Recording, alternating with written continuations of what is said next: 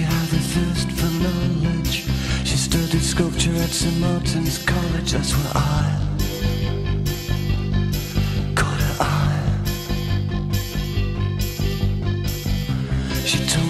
Benvingudes a Gent Random, el nou podcast literari vital en col·laboració amb la repartidora. L'actualitat literària és l'excusa, però a partir d'aquesta parlarem i analitzarem amb ulls crítics els temes que de la literatura es desprenen i aquests, com no, són temetes, issues que ens atravessen a totes d'una determinada manera. Perquè, com diu la Mar Vallecillos, la lectura, com la vida mateixa, ens ensenya que gairebé res no acaba ni comença en nosaltres mateixos. What else could I do? I said, oh, I'll see what I can do. I Nosaltres, que com vosaltres també som gent random. Som ixe un entre tants destellers que cada matí es clava al metro o al cotxe, o ara ja traspassa comunitats autònomes sense cometre cap il·legalitat. I said, pretend you Gent random que rondem la trentena, però utilitzem anglicismes modernos i emojis, el guió d'aquest podcast n'és la mostra, per creure'ns uns joves eterns.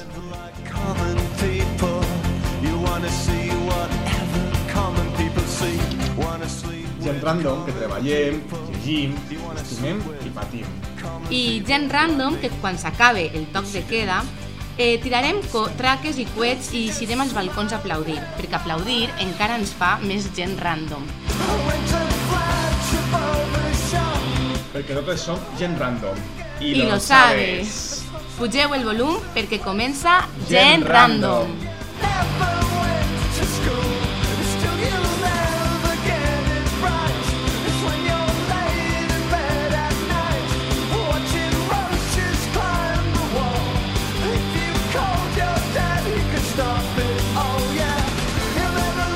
Hola, hola, hola, hola, hola. Benvingudes al segon capítol de Gent Random. Teníem moltes ganes de tornar per a fer la nostra tertulieta. Hi ha una tertulieta habitual eh, de cada mes. I bé, així ja ho tenim tot preparat. Eh, tota la taula plena de micros, fulls, gots, d'aigua, en aquest cas, i a mode del Tiny Desk de Zetangana. Ens falta un senyor major tocant la guitarra i les palmes de les cosines. Però a canvi, a sorpresa, avui serem més veuetes. Gent random es fa gran. Gold, hold, golding gent random. Holding. Uh, bé, i aquestes, totes aquestes veuetes estem reunides al menjador de, de casa de Quim. Així que ajusteu-vos els auriculars perquè comença Gent Random. Gent Random, un podcast literari i vital presentat per Quim Ruiz i Ampar Puerto. Bueno, Quim, hola, benvingut. Hola, Empar, bon dia, bona vesprada. Benvingut a ta casa. El nostre estudi de gravació és ma casa, el menjador de ma casa. Si Exacte. escolteu un gos bordant de fons, perdoneu-nos-lo. Sí, eh, al cor de Benimaclet. Bé. Bé, com estàs? Com ha anat aquest mes? Perquè tot i que hem parlat, però sempre acabem parlant pel núvol, eh? pel drive, però Sí. com, com estàs? Com, com t'ha anat el mes? pues molt bé, no me puc queixar, la veritat. Estic molt content de retrobar-nos. Avui, a més, amb convidades especials, que després presentarem. I, escolta, en part, aprofito l'arrencada per agrair a tot el món que va escoltar el nostre primer programa, pel temps que hi va dedicar i, sobretot, pel feedback que ens ha arribat. Jo almenys estic super content amb el resultat.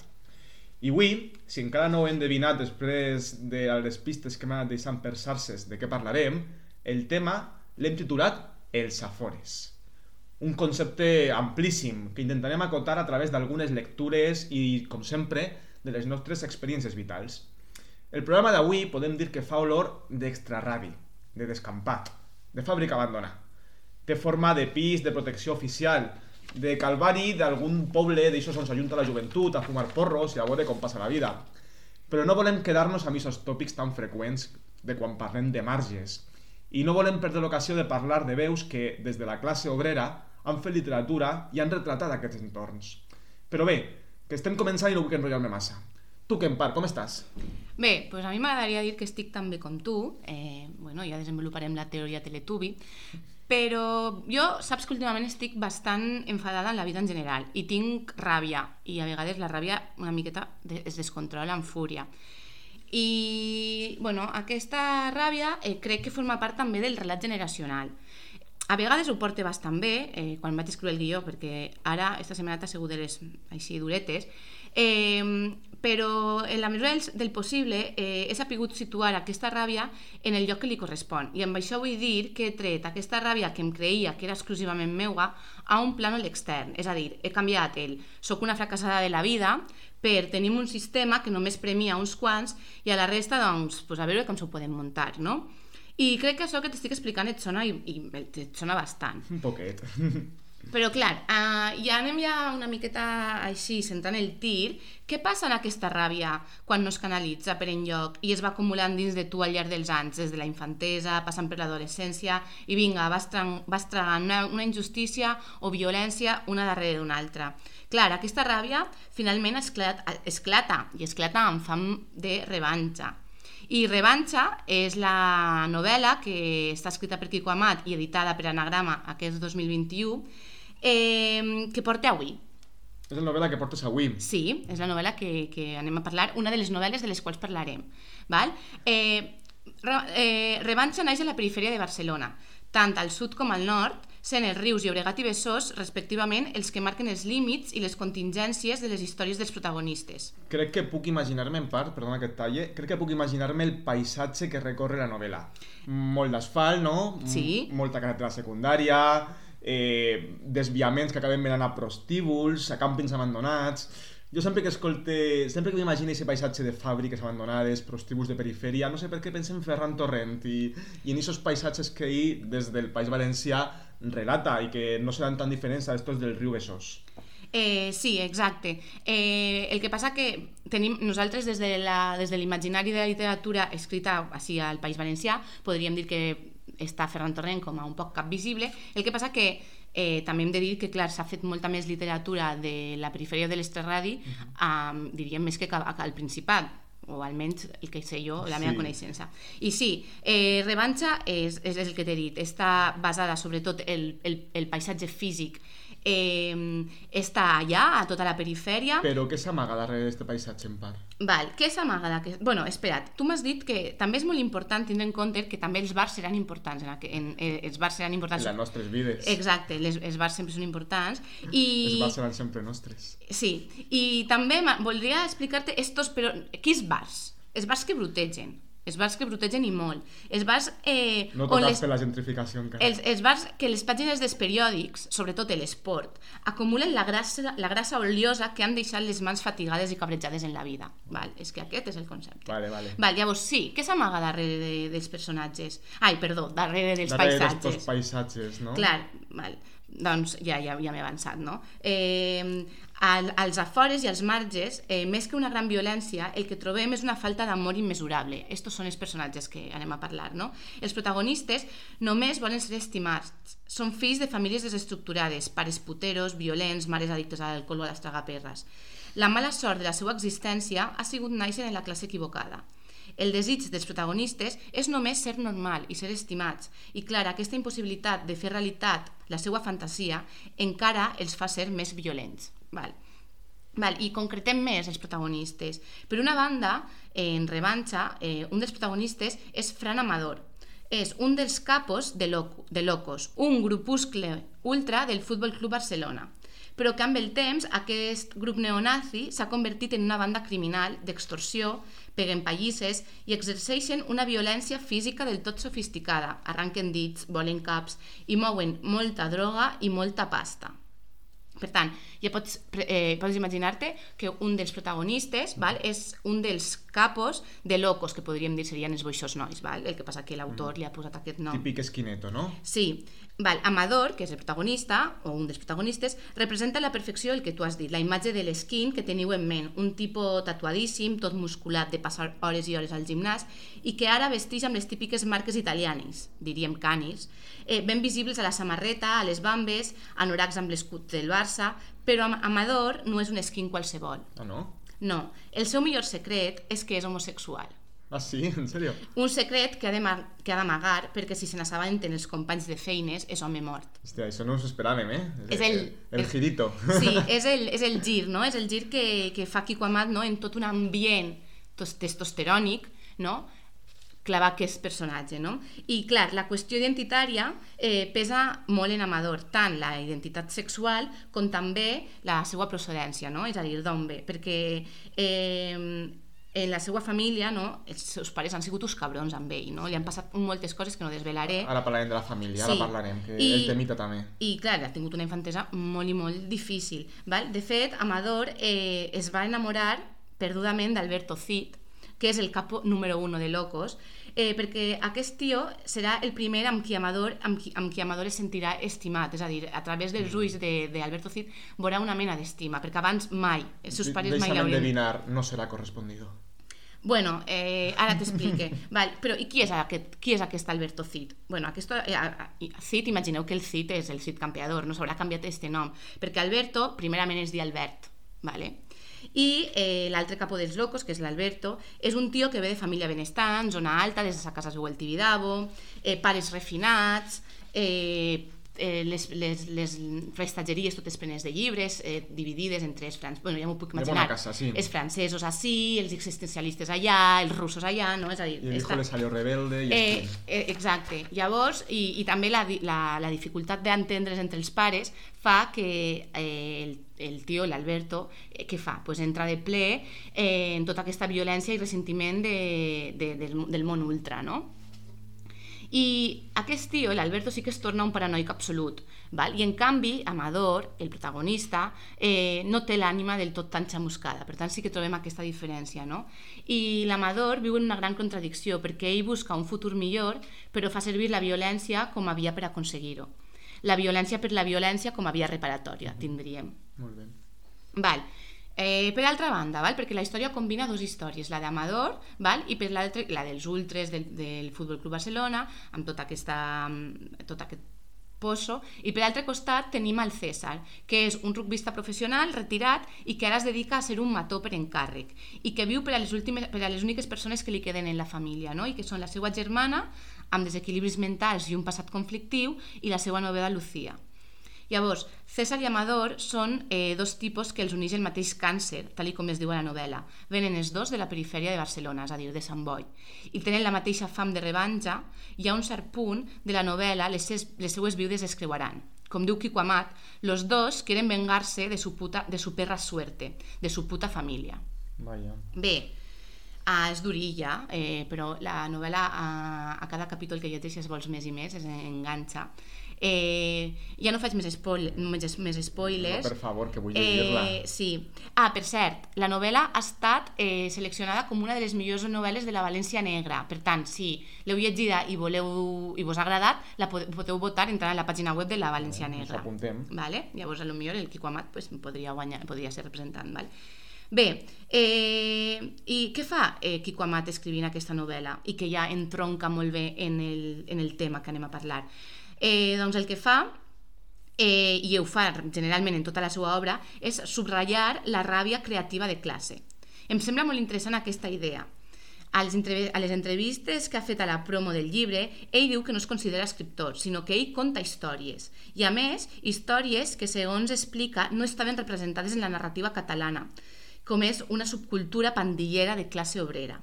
És cert que Juan Marsé ha Spoiler, parlarem d'ell, no Vale, podia sí, faltar no este podia nom en faltar, un, en un sí. programa com el d'avui. Eh, eh, és cert que Juan Marsé ha estat un dels noms principals en representar aquesta literatura d'extrarradio dels afores, però Amat fa una passa més.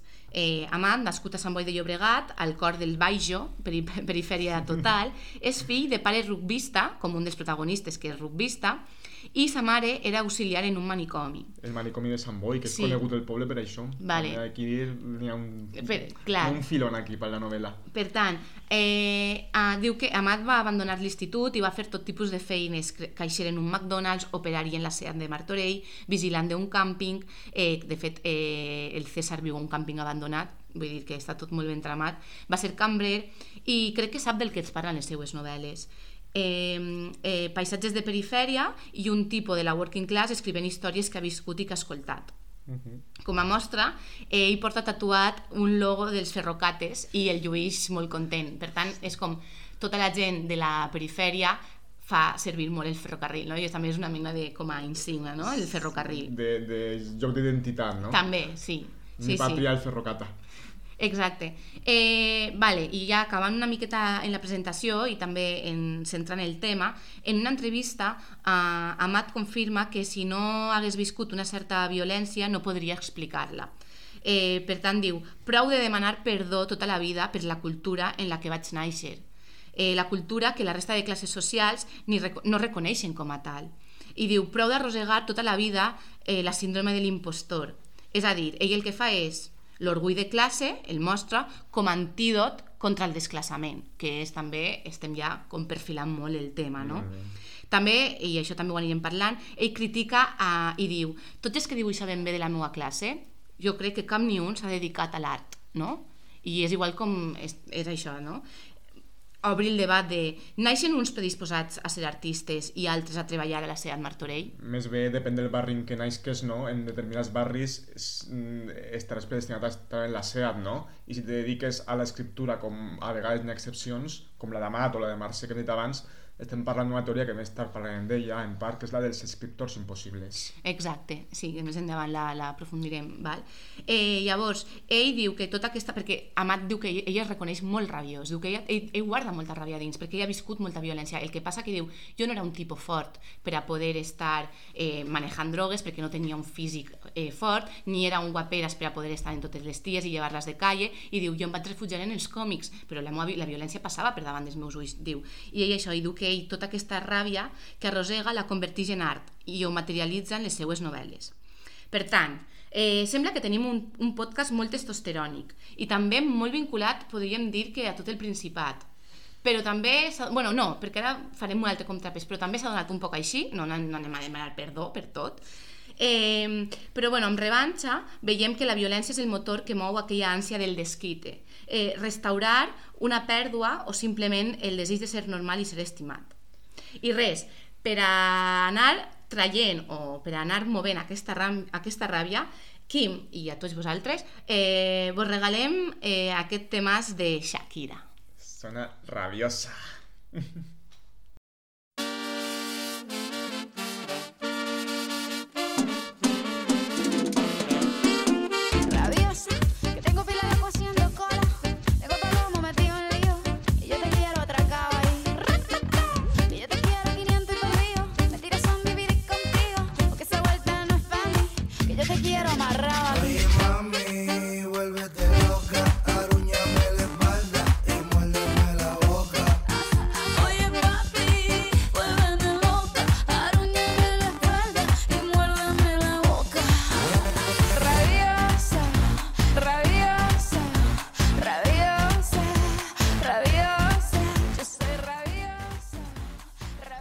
En part, tremenda presentació que mos has fet de la novel·la de Kiko Amat. Em reafirme en el que deia en l'altre programa, en el meu plan de fer-me ric invertint en accions d'anagrama, perquè sembla que tot el que publiquen ho transformen en una obra d'art. Bueno, pues al mateix temps que tu llegeix Revanxa, en part, jo caminava per unes pàgines que evoquen entorns semblants. Em referisc a la novel·la que he llegit jo. Al final siempre ganan los monstruos. La primera novel·la de El Juarma, en part, et confessa que vas decidir llegir aquesta novel·la per la prescripció de la faixa que feia Cristina Morales, que era molt atractiva. Deia que era algo així com Trainspotting en un pueblo de Granà. I claro, si m'agrada Trainspotting, pues dic, hòstia, tinc que llegir esta novel·la. Encara que després, mm, sentint parlar l'autor i altra gent, no acaben d'estar d'acord amb aquesta comparació. Però bueno, sí que en tot cas és una novel·la que ens transporta a un ambient underground total. Ara explicaré per què. Esta novel·la que ha editat Blacky Books, que per a mi és un senyor de qualitat, encara que m'he trobat gent que discrepa, no? que si és un poquet pedant a voltes, molt mm. modernilla, molt hipster... Bueno, esta obra s'enix un poc d'aquest tòpic perquè no és una cosa ni l'altra i és la primera, com dic, del Juarma, que és el malnom de Juan Manuel López, un granaí, però que per cert ara viu al Port de Sagunt, mm -hmm. de working class a poble obrer també. Totalment. Eh, la setmana passada vas tenir la sort d'anar a una presentació que feia de la novel·la en València i, escolta, és un xic majíssim, me va caure superbé, super pròxim, proper, un crack, vaja. Un poc en la línia de, de la, la energia que transmet en la novel·la. A aquest autor, que està entrant en la quarantena, segurament els nostres oients el coneguen més que per la seva faceta d'escriptor, per la seva part d'il·lustrador, perquè les seues il·lustracions, carregades d'un humor molt negre, triomfen bastant en la xarxa eh, és conegut per tant per la seva faceta d'il·lustrador, de comiquero, de fancinero, però tot molt en el món este de l'autoedició, de l'underground, no? de... o podria estar en el tenderete d'ací de València, no? podríem dir, O sigui, en els marges. en els marges, sempre en la part més punky de la societat. Encara que és llicenciat en filologia hispànica, però no ha treballat mai de res semblant a això, al contrari. No ha, sigut, no ha acabat un institut. No, no, no. Que sort. eh, no ha marcat la seva biografia, podem dir. O suposo que sí, perquè tot te marca, però no ha sigut eh, una cosa que tu veges en la seva novel·la. Sí que veus la resta de coses que ha fet en la seva vida. Veus que ha treballat pues, en la Oliva, de jornaler, bareando, de cambrer, d'obrer de la construcció, entre moltes altres coses. En definitiva, un tio de la working class parlant sobre la working class. Genial, llavors eh, ja estem també amb el Quico, el Quico Amat fa el mateix, per tant la genealogia d'autors que tenim avui mateix, que tenim avui, parlem de, o sigui, estem una mica en la mateixa Estem en la classe obrera. Mm. Encara que si te soc sincer, no sabria si posar els protagonistes de la novel·la en aquesta etiqueta. Perquè curro, el que se diu curro assalariat, poc. Sí que n'hi ha els que treballen. Mm, Realment sí que n'hi ha de la pandilla, que són 4 o 5, hi ha algú que se guanya la vida durant el dia, encara que després la perga durant la nit.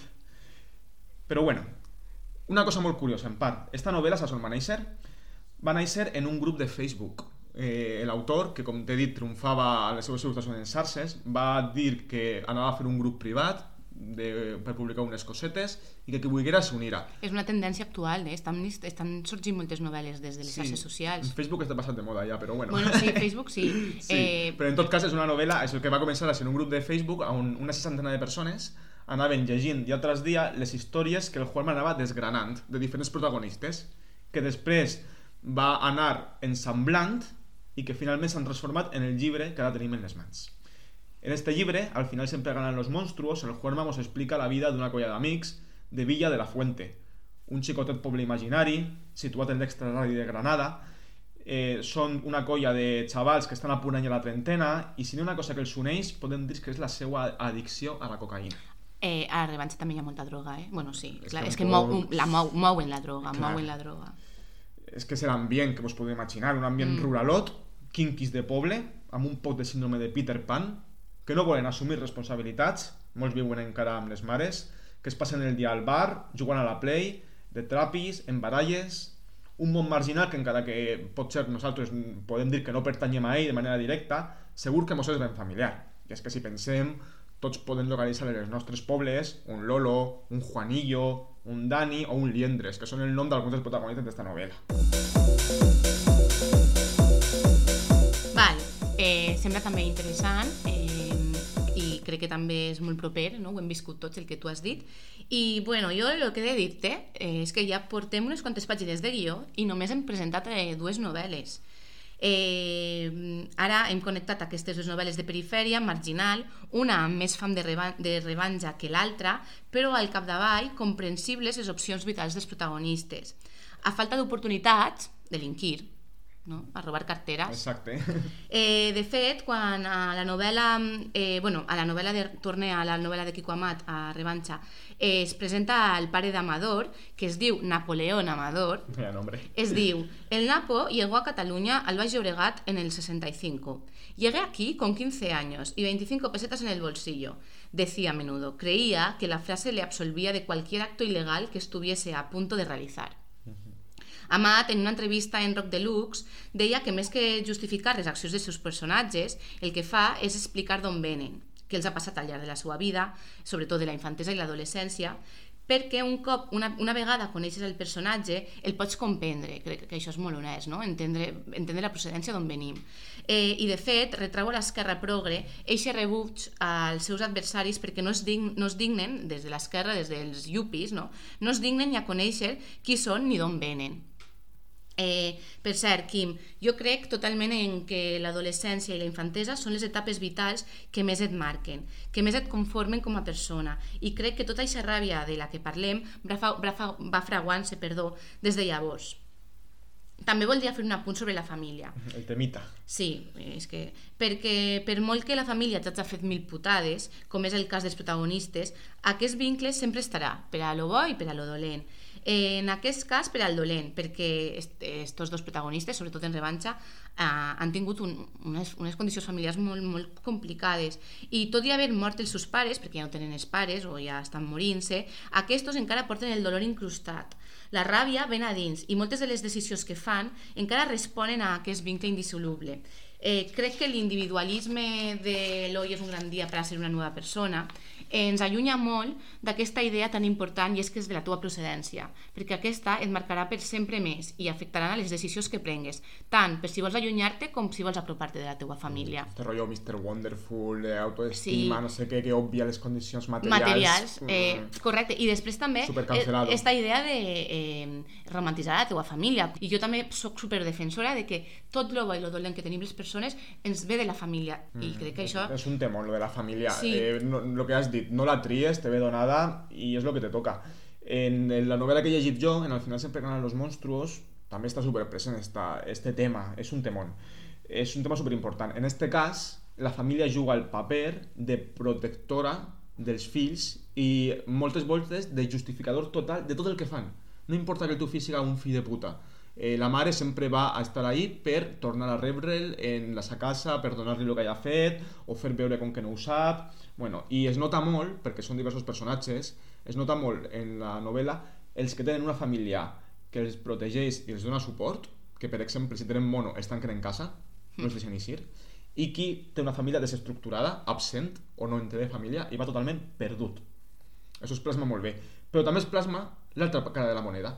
Com afecten els fills als pares, a les mares. Perquè te pots imaginar amb una trupe com la de la novel·la esta que t'he descrit abans com a fills, pues les famílies també patixen. I tant. I també ho passen mal.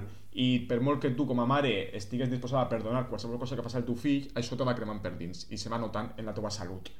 I la prova és que, que un dels personatges més xungos se mor, no diré qui perquè no vull fer més spoiler, un se mor i quan ho fa la seva mare és que rejuvenís, rejuvenís moltíssim.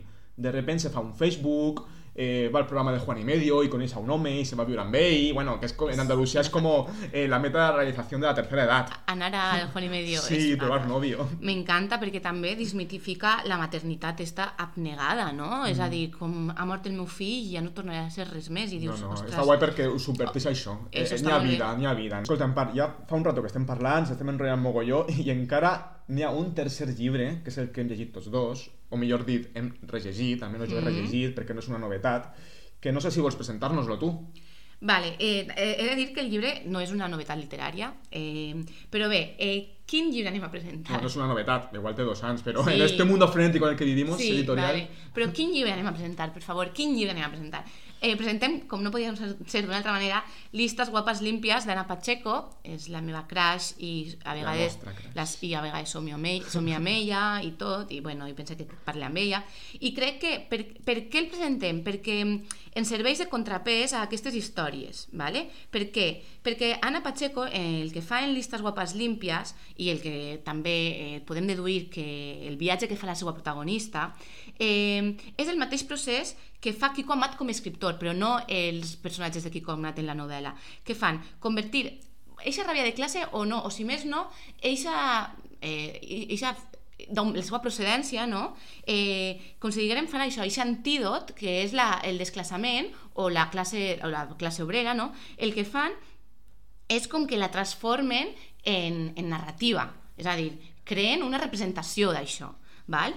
Eh, si els, els protagonistes de, de revanxa, l'anhel de ser estimats i ser normals es converteix en motor de la violència, en Anna Pacheco el que fa és racionalitza el que li passa a la protagonista i del desclassament o del no ser vista, de, de, de ser una classe, de, de la, una classe obrera o de l'extraradi, el que fa és prendre consciència de classe, no? Fa això. I jo, bueno, jo eh, principalment vaig connectar moltíssim en, en la novel·la d'Anna Pacheco eh, i quan la vaig llegir vaig pensar tant de bo l'haguera llegit els meus primers mesos d'universitat Totalment. És una novel·la que, que jo crec que este programa sorgeix a partir de parlar junts en una conversa tu i jo d'esta novel·la. Sí. I a partir d'aquí anar desfilant i a partir arriba aquí Coamat, arriba el Juanma, però Ana Pacheco amb esta obra és un poc el germen d'este podcast que avui estem sentint.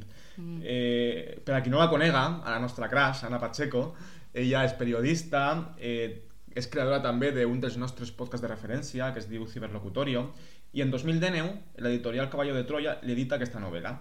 En ella, eh, Pacheco parla, dona vida a una protagonista que podríem dir que és un poc com ella, és la seva vida, no? És, és, és, hi ha gent que l'ha catalogat d'este nom a vegades injust d'autoficció. Sí, bueno, és la seva vida i la de molta altra gent que Exacte. viu, que, que, que, bueno, de, pues, podríem, així també obriríem un altre meló, que és el xarneguisme, no? De tota la gent dels fills dels xarnegos, bueno, dels xarnegos, perquè són fills que han vingut a Catalunya, i també podríem obrir el debat de xarneguisme versus assimilació cultural, no? De tot mm. el que ha fet Catalunya d'assimilar tota aquesta gent que ha Sí. vingut. On, bueno, perquè la novel·la en part, bueno, oients, eh, mos parla d'esta autora, bueno, dona vida a una protagonista en el moment de trànsit vital de pas de la universitat, perdó, de pas de l'adolescència a la universitat. Un trànsit vital que, segons en quin barri visques, no tot el món fa. Mm, Potser poques persones ho fan. I que per a l'autora suposa eixir del seu barri, un barri obrer en la perifèria de Barcelona, i conèixer en la universitat a persones que venen d'entorns molt diferents al seu. I que són, no sé com dir-ho, un poquetet, potser pedants, no? A tu no et passa, en part, que la nostra generació o l'anterior a la nostra és la primera amb estudis universi- universitaris en la família? Uh, bueno, jo eh, sóc la primera filla universitària, però sí que és cert que he tingut cosins i tios i tot que ja han anat a la universitat, però sí que ho veig bastant. Sí, a mi me passa que en la meva família els primers van ser les meves cosines, que potser tenen dos o quatre anys més que jo. I, i en molta gent del nostre entorn eh, som nosaltres els que estem en la trentena, els Mm. primers que hem estudiat, no?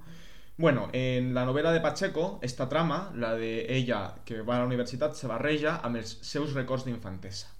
En la relació que tenia amb la seva família o amb la seva amiga de tota la vida, Yaiza, un nom també molt de perifèria, no? És una novel·la que sintetitza molt bé alguns dels temes dels que, estem, par- dels que estem parlant avui. Bueno, avisem que sonarà un poquet de latineo en este programa, però és que és la banda sonora de les Afores. Sorry, not sorry. Back.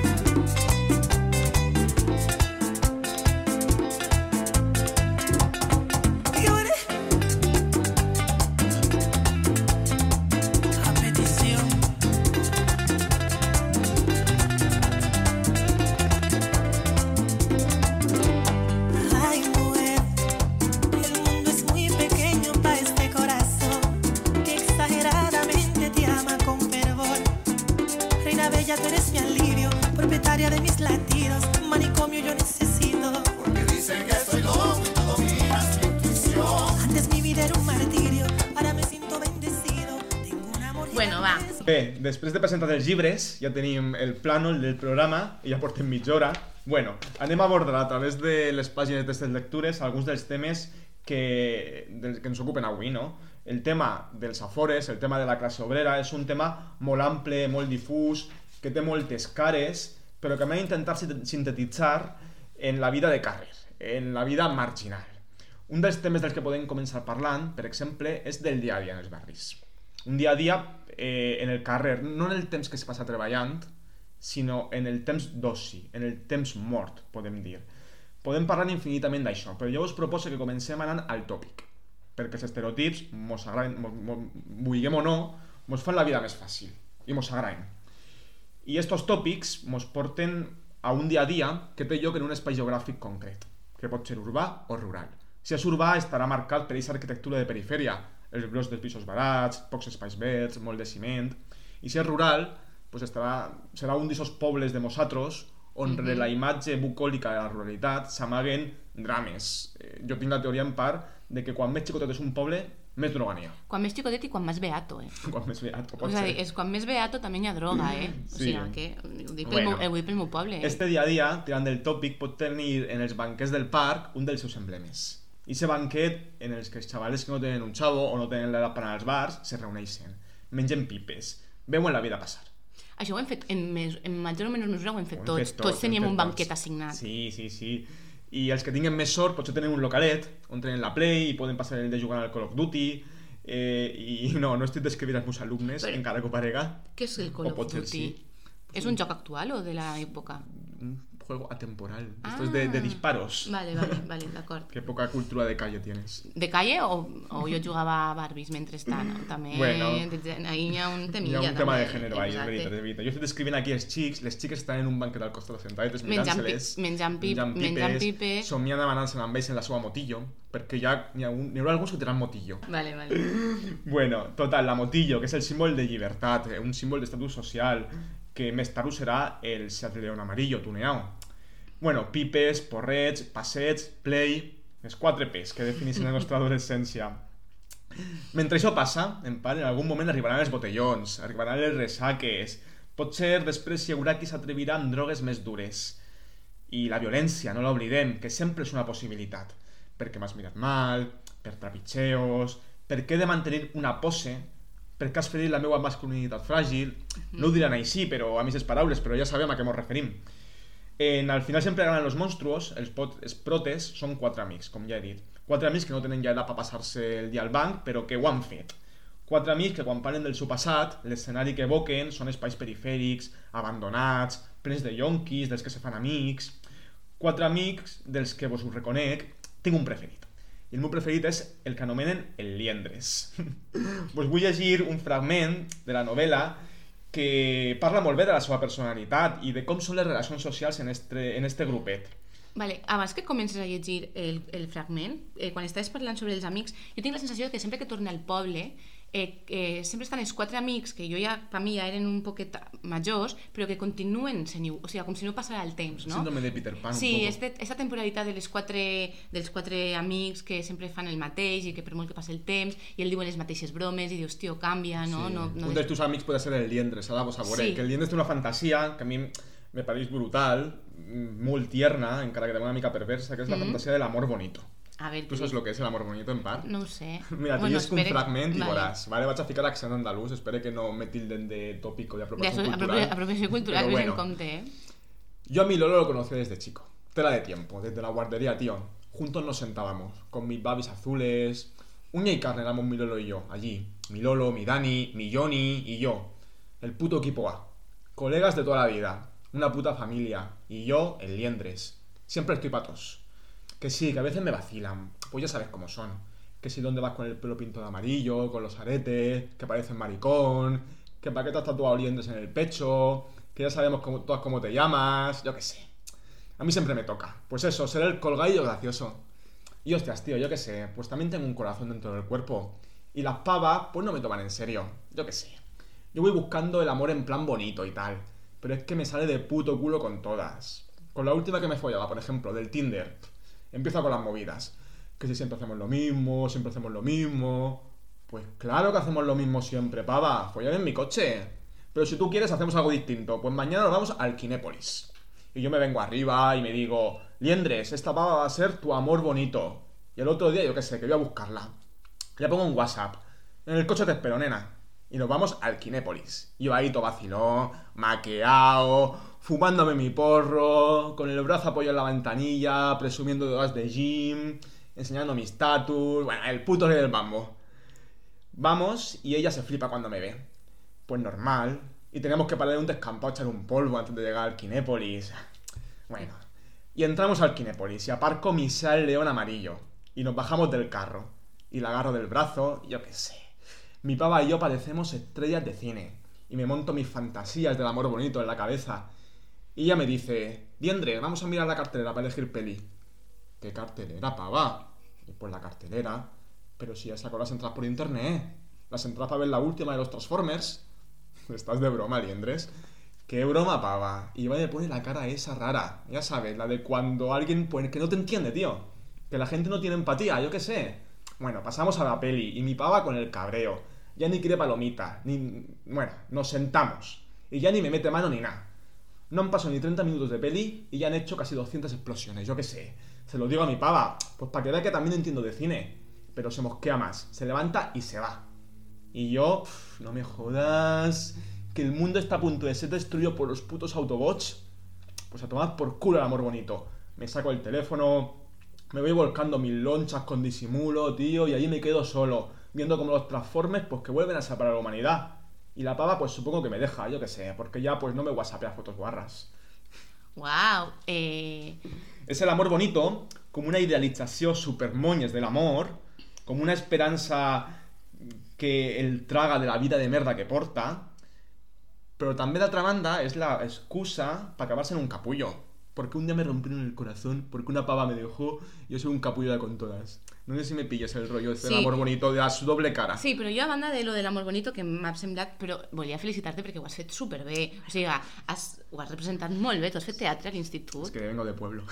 Ah, vale. t'has- que però- soy de la Vega Baja. Eres de la Vega Baja. Jolín, però ho has fet molt i molt bé, eh? La declamació esta, ho has fet genial, eh? Uau. Molt bé. Bueno, a mi, eh, lo que has de, lo del amor bonito, em puc imaginar aquesta idea, ¿no? Y yo en, los dos entrando y que parecíamos estrellas de cine i tot.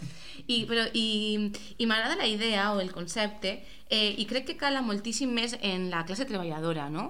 Eh, més que en les classes benestants, perquè... El amor como salvación, ¿no? Sí, perquè és com que les classes benestants des de xicotets saben que el matrimoni forma, la mate eh, forma part de la mateixa moneda que el patrimoni. Mm. Eh, de fet, es pot veure en els personatges de revanxa, com per a uns la família que els queda, perquè és molt poc, o les persones que, a, a les que estimen, eh, és intocable i, per exemple, ho podem veure en el César o en l'Amador, perquè diríem que ells són uns losers, són els antiherois, no?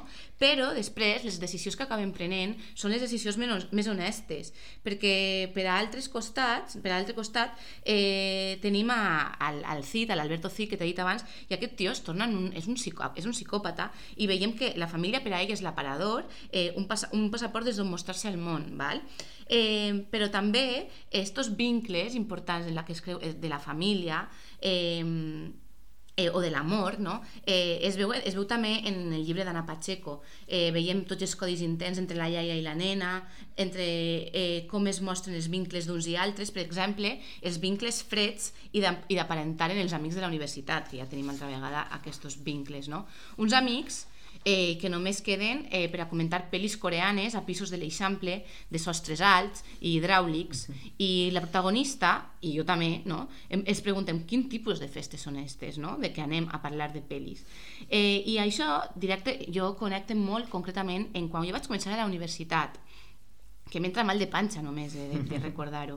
Eh, quan per a mi l'última pel·li que havia vist al cine era El Diablo viste de Prada, de la Meryl Streep, vale? eh, que, per favor, quin terratràgam més gran, perquè, clar, així és quan comences a adonar-te que tu no eres com certs companys de la uni, que sempre sabran, que n'hi haurà que sempre en sabran més, que hauran llegit molt més, que hauran viatjat més, i tu aniràs en el teu, poli, en el teu polo de Tommy Hilfiger, que el vas comprar per a la comunió del teu cosí pijo, però l'última pel·li que has vist és el puto Diablo visto de Prada, i els teus companys, mentrestant, comentaran una pel·li de la guerra d'Algèria, que tu ni flaues, i tu t'esforçaràs a llegir On the Road i altres obres de la generació beat i t'apel·laran menys zero, perquè, però continuaràs esforçant-te perquè segons els teus companys Kerouac és brutal i és la hòstia i s'ha de llegir. I estos mateixos companys s'obriran un blog per a intel·lectualitzar el futbol o inclús el ping-pong i parlaran de Maradona amunt, Maradona avall i tu pensaràs en la boca xicoteta i diràs però este tio no era un assetjador. I vinga, jo me'n vaig a casa a estudiar Walter Benjamin, Hannah Arendt i Cal Polanyi. De llegir Cortázar, que també jo reconec que era quan vaig a la universitat el autor que...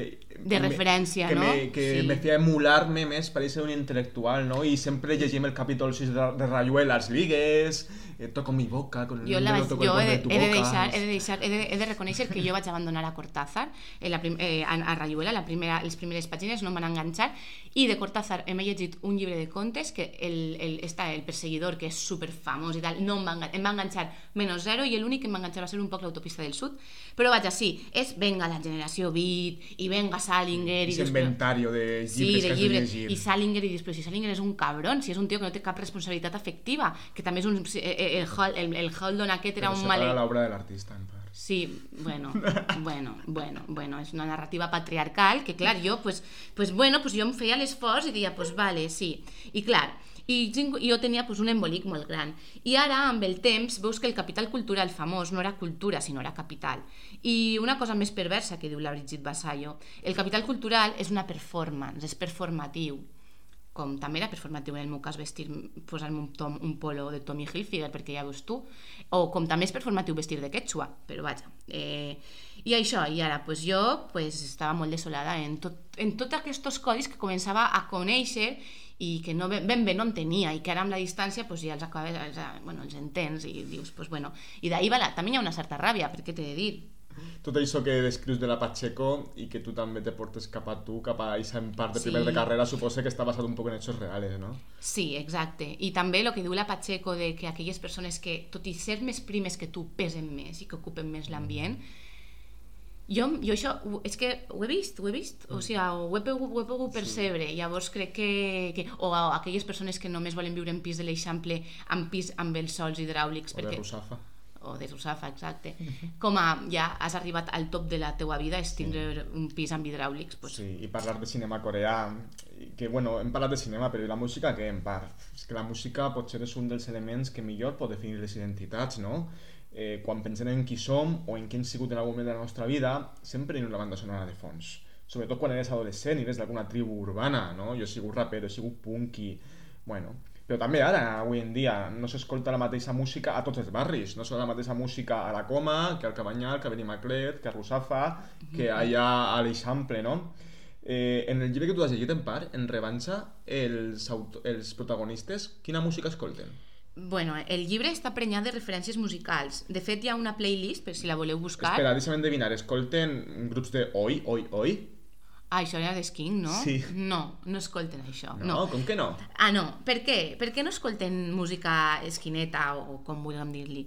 Eh, perquè pensa que un dels primers, el protagonista, qui, eh, Amador, és homosexual. Per tant, eh, les cançons que a ell el calmen, que el porten a ell mateix, que realment se pot sentir lliure de- de- d'etiquetes i poder ser eh, diguem, més fidel a ell mateix, són tota aquella música que no sé si podríem denominar, denominar música queer, m'invente o posem ara l'etiqueta, no ho sé, però bueno, ja el veus a Fran Amador, amb les seues botes, amb la seva, amb la seva bomba, bomber, tot, tot eh, de tatuatges i rapat, anant-se'n a rebentant caps i abans posar-se en el Wallman, perquè en aquella època era el Wallman, eh, cançons com Madonna, Cyndi Lauper o Alanis Morissette amb It's like raining on your wedding day.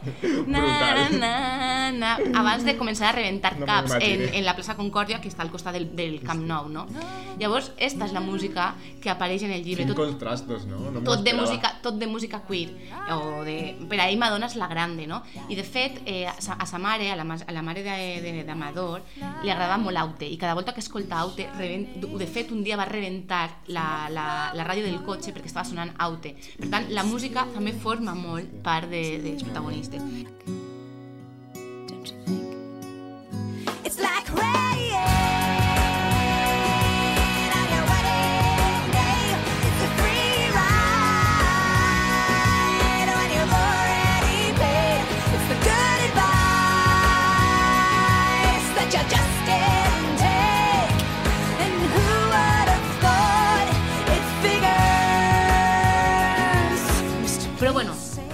Més enllà de la música queer, que no sé si podríem dir que és un gènere o sí que almenys sí que hi ha una representació, eh, crec que també és ara- el moment de reivindicar la música de gasolinera, no? Ah, ese concepte me puto flipa. És a dir, tots sabem quina és la música de gasolinera. Quan anàvem, paràvem la gasolinera dels nostres pares i veiem aquells aparadors de plàstic que giraven i que És una trobaves... fantasia, eh? Exacte, que trobaves al Fadi, que trobaves a Rocío Jurado, a les randes de la Copla, i també la nostra generació trobàvem ja els cassets de les Spice Girls, aquelles portades blanques. Operación Triunfo També. o el Caribe Mix. També, eh? correcte, sí, eh, sí.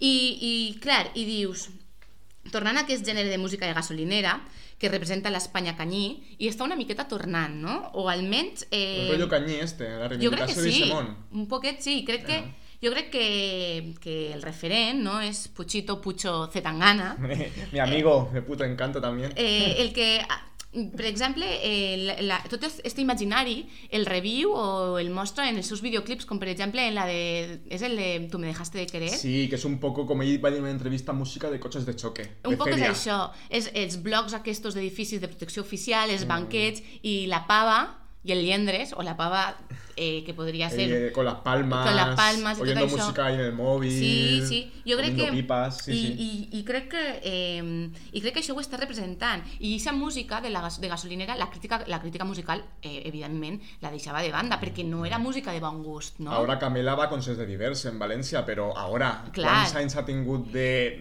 destierro, de I de només ballar-la només ballar-la com... Eh, En verbena a efect- 5 de la madrugada. Efecte de maquillatge, no? És a dir, eh, la balle per a sentir-me més cool o, més, o més del petardeo, però eh, com jo, jo em vaig a casa a escoltar Oasis, no? Que, que mal ha fet l'indi, també. Però vaja, eh, llavors, eh, tornant una miqueta a, a això, no? està dignificant eh, tota aquesta Espanya canyí o tot l'imaginari zetangana, repara tota la vergonya de classe amb el seu nou disc, i en un article que va escriure Juana Dolores, sí, ja sé que vols rajar Sí, d'ella. després vull rajar un poquet d'ella, però bueno, de moment deixo que la Vale. alabes un poquet. No, eh, no, no. Jo eh, vos recomano un article que va escriure en la Rock Deluxe i que ella deia que eh, un, dels problemes, un dels problemes de l'esquerra és que eh, és tot allò, tot allò que fa referència a l'aspiracional, que és com un tema tabú, no? que diu, algú de la working class vol aspirar eh, i si vol aspirar és perquè ja és, eh, i no, el deixen, no el deixen del tot aspirar perquè si no és com si estigués traint a, a, la, a la teua classe. I ella diu que això Zetangana eh, pues ho ha pogut fer, no? Per això eh, és com va posar una, en Zetangana, quan va publicar el Madrileño, van posar tot d'una lona ja grandíssima d'enfront del Pans and Company on treballava. Wow, I... tremenda acció. Eh, sí, bueno, activismo. Val. Llavors, eh, és, fa això o és una, és una manera de fer una revanxa de classe? No ho sé, no sé. No part, jo que soc, ja saps que soc ultrafan de Zetangana, m'agrada molt, però en este tema jo crec que és un assumpte més de narcisisme que de revenja de classe. En tot cas sí que ell representa esta cosa, este tema aspiracional, ¿no? Quan parla de, de que piensa en, El les, en les dinero. nits que va a somiar en portar el peso del cadenón en el coll, ¿no?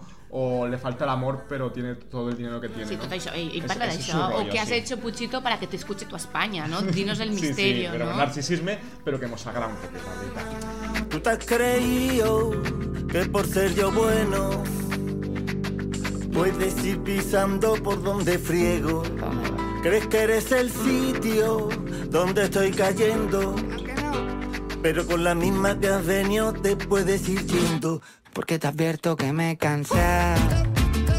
Que hasta los tontos tenemos tope. Y esta vez voy a acertar aunque sea de rebote Porque te he perdonado. Pero hasta los tontos tenemos tope. Y esta vez voy a acertar aunque sea de rebote. Tú te has creído que por ser yo bueno Que puedes ir pisando por donde friego Crees que eres el sitio donde estoy cayendo. Pero con la misma que has venido te puedes ir yendo, porque te advierto que me cansado. Eh, tornant eh, al tema de la música, en Listes guapes límpies, la protagonista, n'hi ha un moment de la novel·la que és brutal, que quan, és quan estan en la festa esta, a la que va, eh, i estan ahí parlant tots, i algú li demana que fique música. Li demana, Els "Ei, deberes, ponte recorden". algo. Ah, I, I en aquest moment hi ha un moment d'ansietat total, perquè no té ni puta idea de què posar. No, no et coneix cap grup que vaja acorde a aquest entorn que a ella li és tan lluny. De pel·lis coreana, coreanes, clar, Sí. tu què vas a posar. I damunt de la sensació que tot el món el, se fixa en ella i la mira i està esperant que posi algo, quan segurament ningú ho faria. Però bueno, té la sensació de que tot el, tot els suís estan mirant-la i censurant-la. Que per cert, en la novel·la, unes pàgines abans d'això, un dels grups dels que ella no ha sentit parlar mai, però la gent d'este entorn parla, és Pulp. El- Els La Pulps nostra- de la nostra capçalera, de, que bueno, jo només conec com, com un people, però... I per no Manel, serem... possiblement. I per Manel, exacte. però en part, no serem una mica modernillos i pedants també nosaltres? Qui sap? Qui sap? Pues, Bueno. No ho sé. Eh, ja hem dit que el capital cultural és performatiu. Sí, bueno, total, que mentre la protagonista de la novel·la intenta eixir del pas, quan li demanen que posi una cançó, els únics grups que li passen pel cap són Pereza, La Oreja de Van Gogh, Operación Triunfo, Malú, Alejandro Sanz o King África, el puto King África. I cap d'això, lògicament, pegava en aquell entorn. Però bueno, però, però, però, però, sense dubte, el grup estrella de la novel·la, el grup estrella de la infància de la protagonista, de l'autora segurament també, de mi també, és, com no, Estopa. Esto es Estopa. Fui a la orilla del río y vi que estaba muy sola. Vi que te habías dormido, vi que crecían amapolas en lo alto de tu pecho, tu pecho hecho en la gloria. Yo me fui para ti derecho y así entraste en mi memoria. Tú me vestiste los ojos, yo te quitaba la ropa.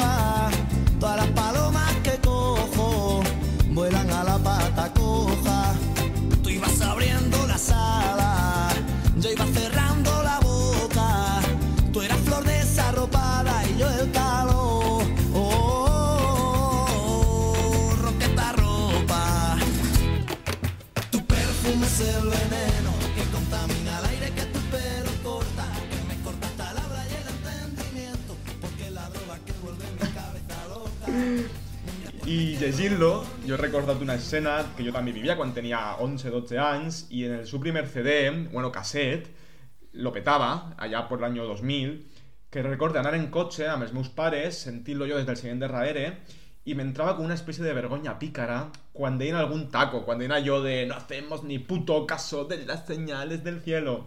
Bueno, la novela, eh, la protagonista de la novela és molt fan dels Estopa perquè és el grup preferit del xic que li agrada, que és alguns anys més gran que ella.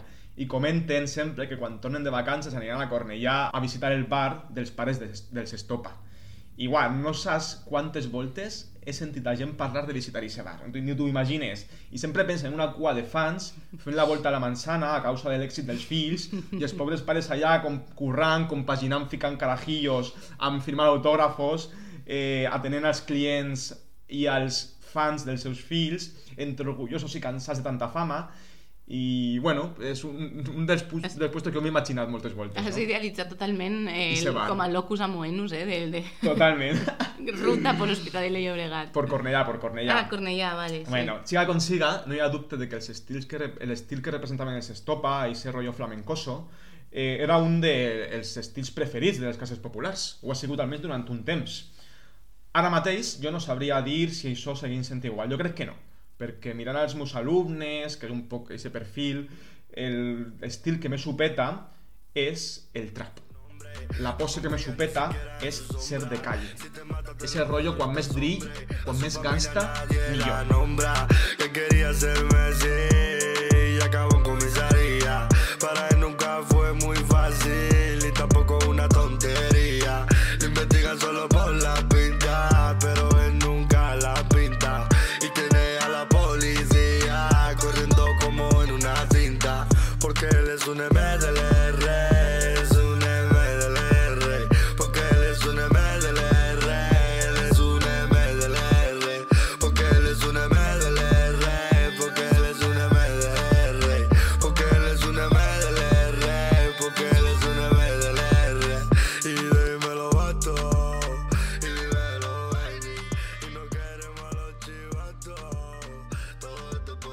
En dia està com de moda ser de calle. Tots els meus alumnes de l'institut, d'institut públic, s'ha de dir, ho fan. Xavals de 13-14 anys eh, fent apologia de la marginalitat, de la delinqüència, escoltant el morat, adoptant una pose de malote, quan són uns xiquets, perquè tenen 13 anys i la seva mare encara els ha de fer el sopar cada nit i agitar-los, però bueno, van d'adults, de malotes, Sí, totalment. eh, és com una apropiació o reivindicació dels ambients lumpens i jo no Mm. sé si aquí n'hi ha algun tipus de consciència de classe, jo crec que no. Jo crec que és puro postura Jo crec que- jo individualista, crec que tampoc. apologia de la droga... No n'hi ha, no hi ha una reflexió de fer... No, no, els ha, No, no, no, no, hi ha no. cap reflexió. I, de fet, el que has dit, no? que van de lumpens en contraposició, no són, com són d'institut públic, no hi ha cayetanos, no? però diria que al final eh, la perfor la, el performance és el mateix, darrere no, està buit, no? Està bueno, buit. no, els cayetanos igual I de no fet, a nivell polític, si es preguntes, Són- són, són com, com ells, són com els cayetanos, perquè van tots en la bandera d'Espanya Sí, en el canell, sí, sí, per, sí. Molt de, per molt de calle que siguen, saps? Sí. Jo recorde quan tenia la seva edat que jo anava de rapero. No sé si m'imagines, però jo anava de rapero. No t'imagines gens anant de rapero. Ahí pues sí, feia grafitis, no sé què, bueno, havia sempre com una atracció en aquesta cosa que és, en aquell moment era lo marginal, després aquesta cosa va posar de moda, però en aquell moment era una cosa marginal i n'hi havia com una resistència aparent a allò mainstream, una atracció a lo marginal, no? En el meu poble estaven els barris que pujaven a la muntanya, que vivien els gitanos, i vivia la gent que vivia més en el carrer, i, i jo me'ls mirava des de fora, entre, i sentia entre atracció enveja i por. Volia ser com ells, però me feia por ser com ells al mateix temps. Però sempre ha tingut una atracció, este món marginal, perillós, no? És com si donara lloc a que passaren coses, a vides emocionants. No sé. En tot cas, avui en dia em costa un poc trobar aquesta crítica social que tenia el rap en els 2000 en el trap. Pensa que és un estil, una estètica que s'està transformant, que té aparència de, de marginal, però s'està transformant en mainstream i que en tot cas no és incòmoda pel sistema, al contrari, és superindividualista. L'aspiració del trap és fer-te milionari. Ara estic, estic eh, anant al tòpic, eh, perquè estic I segur... masclista, totalment, eh? Sí, però bueno, això tots els estils tenen ese punt masclista. I estic anant al tòpic, segur que hi ha grups que se n'escapen. I també estic parlant com un, poco boomer, eh, como el adulto que habla de los jóvenes que no los entiendo. Però bueno, reconeguem no té contradiccions Sí, i, reconec- par i des d'on parlem i ja està. Sí, però també, bueno, eh, que tot és, és un producte capitalista i com a producte capitalista eh, és individualista, vull Mm. dir, no ens equivoquem, tampoc hem de romantitzar el trap. Sí, en tot cas, ni esta apologia, ni a- en el tema aspiracional, en el trap no es cambiar el mundo ni mejorarlo, no, es tindre diners, estar tu en tu jacuzzi, con tu Lambo i tirant i ficant bitllets de 5 cents en el cul d'alguna pava, no? Esta és un poc eh, la imatge que, que almenys a mi, en molts videoclips dels que els meus alumnes miren, que en el pati sempre me demanen que els li fique, m'arriba, no? I el tema al final, arribem al tema de sempre, que són els diners. La importància dels diners, que també és un temazo del que hem de parlar Sí, els diners. de que els tingues tu, que s'hagi tingut la teva família, que els tingui la gent del teu barri, que estiguen en l'entorn on t'has criat. Vull, abans de seguir, vull llegir un fragment de la Al final sempre ganan los monstruos que parla d'això. Atenció, diu Pude estudiar y vivir en la ciudad por las becas. Aquí parla un desde la pandilla dels pocs que han estudiat. No tenía mucha vocación de nada y tampoco me veía haciendo algo distinto en la vida que no fuese trabajar en el campo o en la construcción. Que no te cuenten patrañas, que no te bombardeen la cabeza con frases motivacionales o de superación personal. El puto dinero es lo que decide qué vas a hacer en tu vida. Trabajar mucho no te sirve de, de nada. No puedes cambiar las cosas ni aspirar a tener un presente o un futuro digno si no tienes dinero. No puedes salir del agujero donde estás con sueños e ilusiones, con esfuerzo y trabajo. Eso es un cuento. Siempre he tenido que buscarme la vida para tener dinero. Por eso empecé a trapichear, porque necesitaba el puto dinero. Y con dinero todo es más fácil. Y si alguien dice lo contrario, miente. Bueno, és una declaració d'intencions brutal i, i real, no? Sí, És que... en estos entorns on se viu la novela de delinqüència, eh, en estos entorns el trapicheo és una resposta, podem dir, a la precarització de la vida. Sí, és, eh, en- davant de la falta d'oportunitats, Sí. trepitxear. N'hi ha molts personatges que són gent gran, que ha treballat tota la vida en l'obra, que arran de la crisi se van quedar sense treball i han hagut de plantar marihuana per sobreviure. Són joves que no veuen cap altre exemple en el seu entorn, cap aspiració d'ascens social que no que siga a través del treball o de l'estudi. Tot el contrari. Són com illes individualistes perdudes. Jo sempre penso en nàufrags sense història, sempre penso en potencial revolucionari perdut, que s'aprofitaria si s'identificara amb temes com la lluita per l'habitatge digne, però que es perd en esta deriva nihilista un poc. Sí, m'ha agradat molt això de potencial revolucionari perdut, però també és això, és que si tu no coneixes a, als teus rivals, és el que deia que quan també com pots saber de qui, d'on has de- has d'entendre les seves procedències. Uau, molt bé. Eh, de fet, eh, quan parles dels diners, em ve també al cap una frase que vaig llegir no sé on, crec que va ser també en revanxa, però no estic segura, que deia no és ser, no és ser pobre, és el miedo a ser pobre. O sigui, ja quan la paraula pobre ja saps on el porta, no? I em diràs tu del poc que serveix tot aquest temps que et dedica el meu hem de... ha arribat el moment vale, de desvetllar a una de les sorpreses a una, una de les sorpreses d'avui. Eh, a una persona que a partir d'ara serà la nostra col·laboradora, col·laboradora habitual i col·laboradora estimada, eh, i en el- la secció d'avui, en la que ens porta avui, en la que s'estrena, eh, Com s'anomena esta secció, en part? eh, s'anomena Pensaments intrusius. Uau! Depèn del dia i del que estic fent. Aquesta intrusa que tenim avui, in the house, és Lourdes eh, i ens dedicarà uns minuts a parlar, avui en aquesta secció, de llenguatge i literatura. Eh, un llenguatge que en les novel·les de les que estem parlant pren un protagonisme important perquè reflecteix l'ambient dels espais on passa l'acció. Un llenguatge marcat per l'oralitat, l'absència de narrador, l'eslang i la frescura. Així que benvinguda, Lourdes, a Gent Random. Benvinguda, Al Lourdes. club, eres una Gent Random més. Uau, bueno, com esteu? Estic contentíssima d'estar així, super emocionada, molt, molt, molt, molt agraïda que em deixeu este ratet per a parlar de les meves obsessions, dels meus pensaments intrusius, que he de dir que no en són pocs. I res, moltes gràcies. Eh, bueno, vinga, a veure què, què ens portes preparat. Després també t'hauràs menjat tota la nostra xapa i estarà una miqueta també com... No, no, jo encantadíssima. Bueno, bueno, ara arriba el seu moment. Bé, doncs quan em diguereu que anàveu a dedicar l'emissió a parlar dels afores de les perifèries, és que va ser inevitable pensar en ella.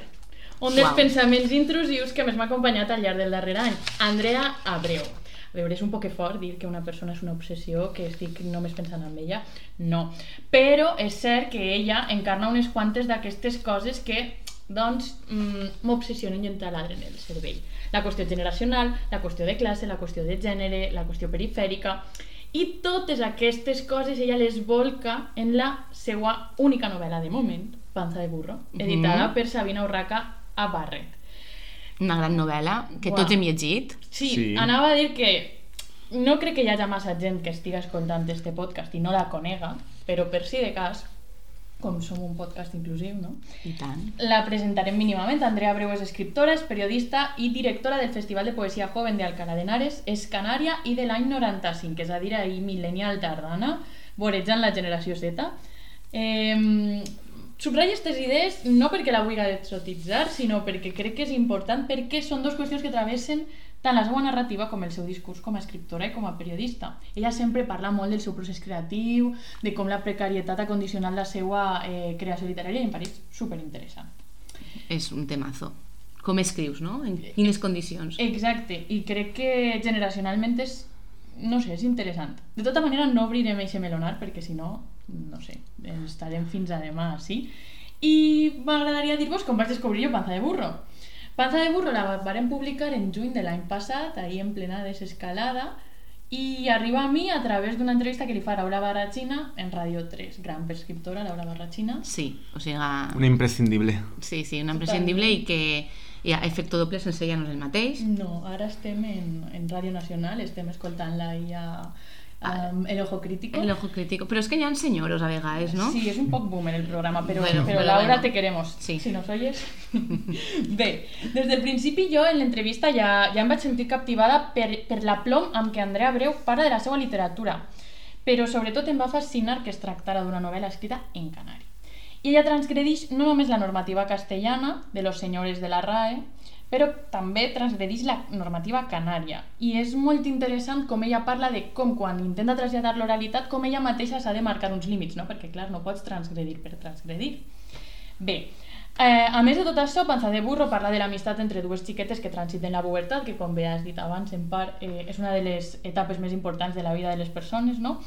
Està situada a principis del 2000, momentazo, no? que totes i tots hem viscut i que ara està de revival. Totalment, A eh? Vuelven los 2000 La fuertes, fantasía eh? del 2000. Molt, Sí, sí, sí. Entre la música, la roba, en fi, no estem preparats. El logo de Gen Random és muy fantasía del 2000 Sí, també. però és que són fills del 2000, a És veure. que, clar, en fi. Total, que elles en aquell moment comencen a descobrir la seva sexualitat. Com podeu veure, Abreu combina molts ingredients que fan que en plena desescalada esta novel·la era un must. O sigui, així que amb una miqueta de por, pues, si se'm trencava el hype, al final me la vaig comprar i va superar les expectatives. O sigui que molt bé, molt bé. Mm. Per què em va agradar? Bé, m'agrada molt com escriu Andrea Abreu, eh, crec que té un estil que transita entre la delicadesa i ser superpunyent, eh, no sé, també se li suma l'escatologia. Crec que és un, un equilibri molt difícil d'aconseguir i que poques veus narratives ho aconsegueixen amb èxit i Andrea Abreu ho fa molt bé. La novel·la és crua, és un adjectiu que normalment no ens ve al cap quan parlem d'infantesa i, i de períodes vitals així en l'imaginari col·lectiu, però ho és i és molt interessant. Una de les coses que em va agradar moltíssim, i això ja ho heu parlat, i em va passar també quan vaig llegir a Anna Pacheco, és que em vaig sentir representada en una obra literària. I clar, això fins ara a mi no m'havia passat, no generacionalment, no? Perquè clar, jo venia de flipar amb Almudena Grandes, l'única boomer a la que respecte, mm, per favor que no se me caiga del pedestal, ja he sigut una filla falangista, Què? ja he sigut una filla falangista. Hola. O sigui, però a més com musa del falangisme ¿En serio? actual. Sí, sí, sí, terrible. Però- Vos diria que buscareu el vídeo en YouTube, però no. Però no és la del discurso de la visión azul. No, no, però... Però paregut. però Ha, seran ha, fet, amigues. ha, fet una, dis- ha fet un discurs sí, sí, públic Una... Sí, sí, sí, sí, ella es reivindica com a feixista. Sí, sí, de Te veritat. compadim, Almudena. O sigui, Ostres. en fi. Eh, Almudena, no abandones el marxismo, por favor, te lo pido desde aquí. La qüestió és que jo venia de llegir-la a ella, però clar, Almudena Grandes té l'edat de ma mare. Aleshores jo podia sentir-me més o menys identificada en algunes coses, però parlava de coses que jo no havia viscut. Clar, estem en aquesta crisi de l'adultesa que no sabem molt bé com ubicar-nos, no? si eternament joves, si els adults no existeixen, etc etc. i de sobte apareixen veus com la de Pacheco, Andrea Breu, Aisa de la Cruz, tot i que és un poc més major, però sí que conta coses amb les que d'una manera o altra ens podem sentir identificades perquè ho hem viscut. I mola. Mola mogolló. Home, doncs pues clar, trobar-te ja una miqueta... Ei, que a mi això també m'ha passat, eh, gràcies, no? Clar, o sigui, dir, Ara t'abraçaria. No, és com dir, d'acord, vale, o sigui, està bé. És, no, estic, no estic loca, exacte, no? no Exacte, Eh, bueno, ja, Sí. passen aquestes coses, ja les sé, gràcies, i ja veuré com m'ho faig jo després amb tot això, però... Exacte. Veure's representat en ficció, jo crec que d'alguna manera posa en valor la teva experiència, les teues vivències formen part de la literatura escrita, i això no és Mm. qualsevol tonteria, eh? El que passa és que la ficció, a banda de reflectir la realitat, també és capaç de generar-ne. I això em porta a parlar del que realment m'ha obsessionat d'Andrea Abreu i de Panza de Burro, que és l'ús que fa del llenguatge. Perquè més enllà d'exotitzar que parla canària i no sé què, un fisquito, no sé quantos, no. Què fa Andrea Abreu amb el personatge? Ai, amb el personatge, perdó, amb el llenguatge. Genera la identitat dels personatges. És a dir, nosaltres sabem qui són Isora i qui és eh, Ixit, no per com ho narra o per com ho puga descriure, que també, sinó per com parlen. O sigui, són dos preadolescents de Tenerife rural de classe obrera i a principis del 2000. Que mai han vist el mar, perdó. Que mai han vist el mar encara Clar. que són de la illa. I encara que van a, a netejar a casa de los guiris hediondos, Que és eh? periferia total, eh? Totalment. Sí, sí, sí, sí, Perdó, sí. Lourdes, però era, No, no, era no, no, important no, no. dir-ho, que no havien vist el mar, com un és que me, jo, jo me sé de Nàpoles. Que parlarem el pròximo dia. Clar, aleshores nosaltres sabem que elles són que elles són com són o són qui són per com s'expressen, per com parlen, no? I és aquesta, eh, l'etern debat de si la llengua genera realitats, si la, la llengua les reflecteix, bé. Clar, és interessantíssim perquè no és que no ha- haguérem vist mai aquesta eh, diguérem, representació de l'oralitat en la literatura, tot i que no és una cosa super habitual, però què fa Abreu? Ella trenca la jerarquia entre el narrador i els diàlegs, perquè normalment veiem que el narrador està com per sobre, no? Com que Mhm. parla estàndard i després ja els personatges ja doncs parlen com parlaven els, eh, els teus amics Kim de, Del meu pueblo. del Juan El, lian, el liendres. El Liendres i el Johnny. Exacte. Però ella, tot, tota la novel·la està escrita eh, així, en, en canari, col·loquial, oral, eh, de Tenerife rural. En fi, una cosa que és molt important assenyalar és que no hi ha glossari, és una decisió deliberada tant de l'editora com d'ella, perquè no tenen cap interès pedagògic. Eh, elles volen que, que el lector s'endinsi en la història com un estranger, no? I crec que, que és interessant, perquè la literatura no sempre pot ser pedagògica, però no, no sé, no? Ahí estic en un conflicte jo, no? Sí. A part, és que el, el lector és estranger perquè no coneixem aquella, aquella visió de les Canàries. Per a res, per a res. Vull dir, és que al final som colons, Mm. nosaltres, no? Mm. O des de la resta de la península. Mm, total. Si mai anem per ahí passarem en un autobús a pujar al Teide, no? Però Mm. no anirem al seu barri, que no és ni un barri, és com una cases disperses allà en la falda de la muntanya. Ara que ens hem obsessionat, igual sí, no? Igual, Igual fer la sí. peregrinació com Sí, al bar de, exacte. dels Però, pares d'esto. però com, com, el, com el blanquito que va a veure un món exòtic, no? Exacte, no? no? I veurem a tots els gossos per ahí avant, eh, arreballats, prenent el sol. Bueno, Bé, per què és ressenyable tot això? No només perquè posa en valor la identitat canària, una qüestió de classe, generacional, de gènere, etc, sinó perquè no estem acostumats i acostumades en els sistemes literaris que ens envolten, és a dir, l'espanyol d'Espanya, faig, faig menció a espanyol d'Espanya en contraposició a Llatinoamèrica, perquè Mm. allí passen altres coses de les quals no en tinc ni idea i per tant no parlaré del que no sé. I del Així, sistema així valorem la honestedat, eh? Exactament. I del sistema literari català que tampoc estem molt acostumades. Mm, en l'espanyol per què no passa? No ho sé, m'aventuraria a dir que per una qüestió centralista. En el català per què no passa? M'aventuraria a dir que per una qüestió de diglòsia, no? Per com la literatura o tot el que es crea en llengua catalana pareix que tinga la missió de estandarditzar, de normalitzar, de normativitzar. Per tant, ens fa poreta, no? Com nosaltres, que som un podcast en valencià. Som un podcast en valencià, eh? Ojo, cuidao a l'adjectiu. Exacte. És nostra missió. Però escolta un moment, ah, això en la literatura catalana, almenys en la que se fa al Principat, pot estar canviant? Es desperta una gran força de l'Ebre? Dic, sí, dic. Exacte, María Climent, amb Gina, súper recomanable. Laia Viñas, ahora muy joven y muy, escribe muy bien, Mm, como una abuela. Marta Sí. Rojals ja fa uns anys també va, va escriure Primavera, Estiu, etc. I així en València què ha passat I també? a València, clar, en fi. Eh, Poseu-me hacia al dia, poseu-me al dia que no tinc Twitter. Última, última polèmica així remarcable a Twitter, Noruega. Noruega, el gran hit. Bueno, jo estic encantadíssima que, que una novel·la en valencià siga com l'èxit de Supervendes sense ser eh, Mirall Trencat o el que siga. Sí, Vull sí. dir, sense ser una novel·la d'institut. Que, ojo, mira, ja, oh, mira, i Sí, trencat, sí, sí, eh? sí. Rodoreda, mm, fan Sí, número uno, sí, però, també. però, però sí, i de, sí, sí. I de fet, eh, Noruega a tope no l'ha llegit, la llegirem. Eh, Sí, perquè es va generar un debat perquè arran d'un article de VilaWeb en què se'ns preguntava a molts autors sobre sobre per què aquest fenomen, no? hi havia una veu així un poc més hater i es va crear ahí un poc un bif entre Martí Domínguez i Rafa La Huerta. Bé, Rafa La Huerta senyoro. és un senyor molt discret. Però és Martí Domínguez però- és un senyoro, eh, professor d'universitat, profe va ser professor meu, i, eh, bueno, eh, direm que és un senyoro. Sí, direm ja que és està. un senyoro. Clar, ell deia que no entenia com eh, la varietat lingüística per la qual s'havia optat podia entendre-la un lector de Barcelona quan llegira eh, una frase com mos pares. Perquè la novel·la jo no me l'he llegida tampoc. Jo eh? crec que mos pares a l'Ebre es diu.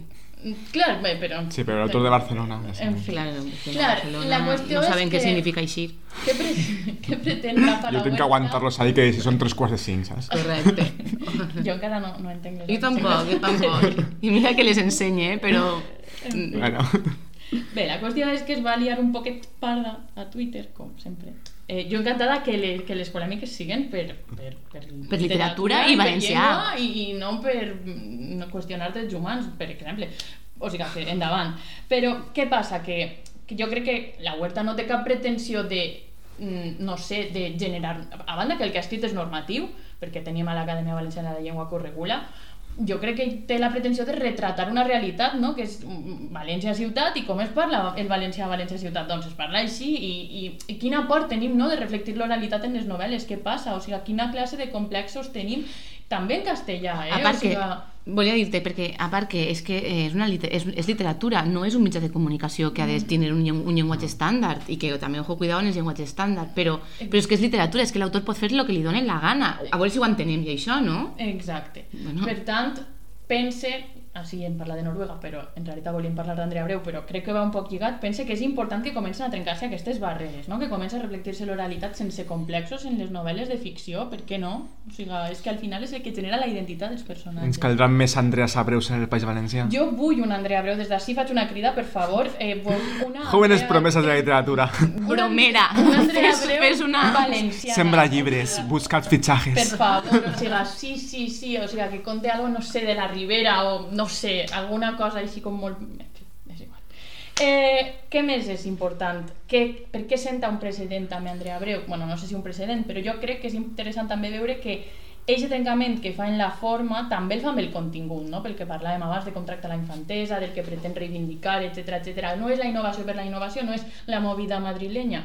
Hi ha una, un, un fons, no? O sigui, no sé, té molt clares les coses que vol contar. Bé, l'obra d'Andrea Breu està sent reconeguda per la crítica internacionalment. D'ací poc veurem moltes traduccions a altres idiomes, cosa que m'interessa particularment perquè, clar, eh, per de formació professional un poc també, però perquè, clar, és que és un llenguatge molt concret. Com trasllades això a una altra llengua? Es perden moltes coses, però potser se'n guanyen altres, no? O sigui, al final Eixa novel·la formarà, eh, entrarà a formar part de sistemes literaris diferents, del francès, de l'italià, del que siga, i això ahir també generarà una influència, no? I no ho sé, no ho sé. Ja veurem. Jo tinc moltes ganes de llegir la, la que estigui en francès, per exemple, perquè... No sé. No, jo la llegiré en italià, sí. si es fa. I, Sí, eh, sí, possible... en italià està, és la que, de fet crec que va ser la primera que anunciaré. Faran el truquillo de fer-los parlar en accent napolitano. És que això és perillós, no? Perquè al final entres Ja. també i en possibles prejudicis, Mm, en possibles ridiculitzacions, però Sí. mm, estarem atentes.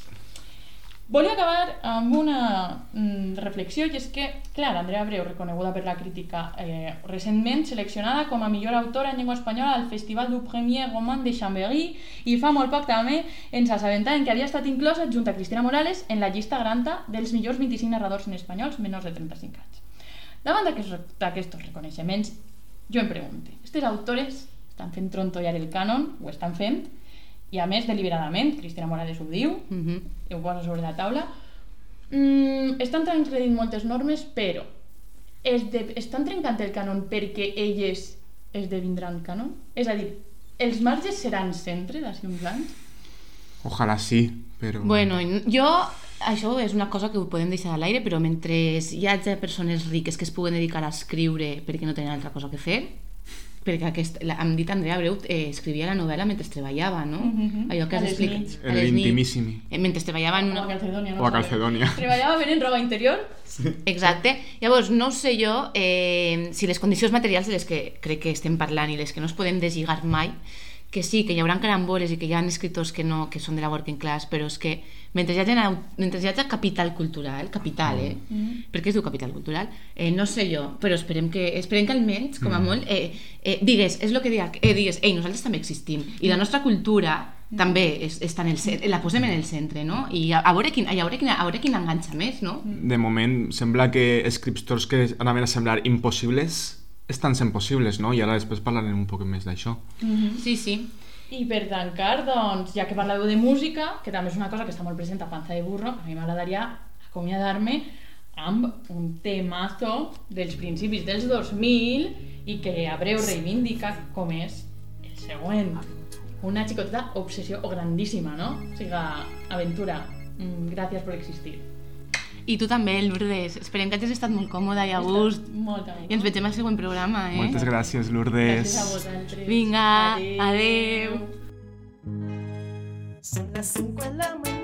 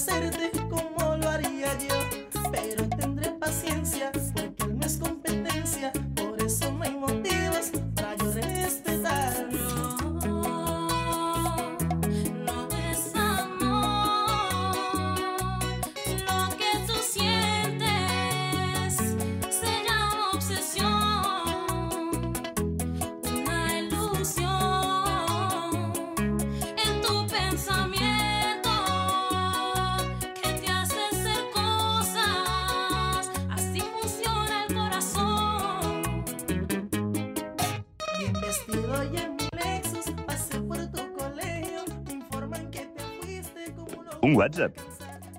Ep, un WhatsApp. Ep, un WhatsApp.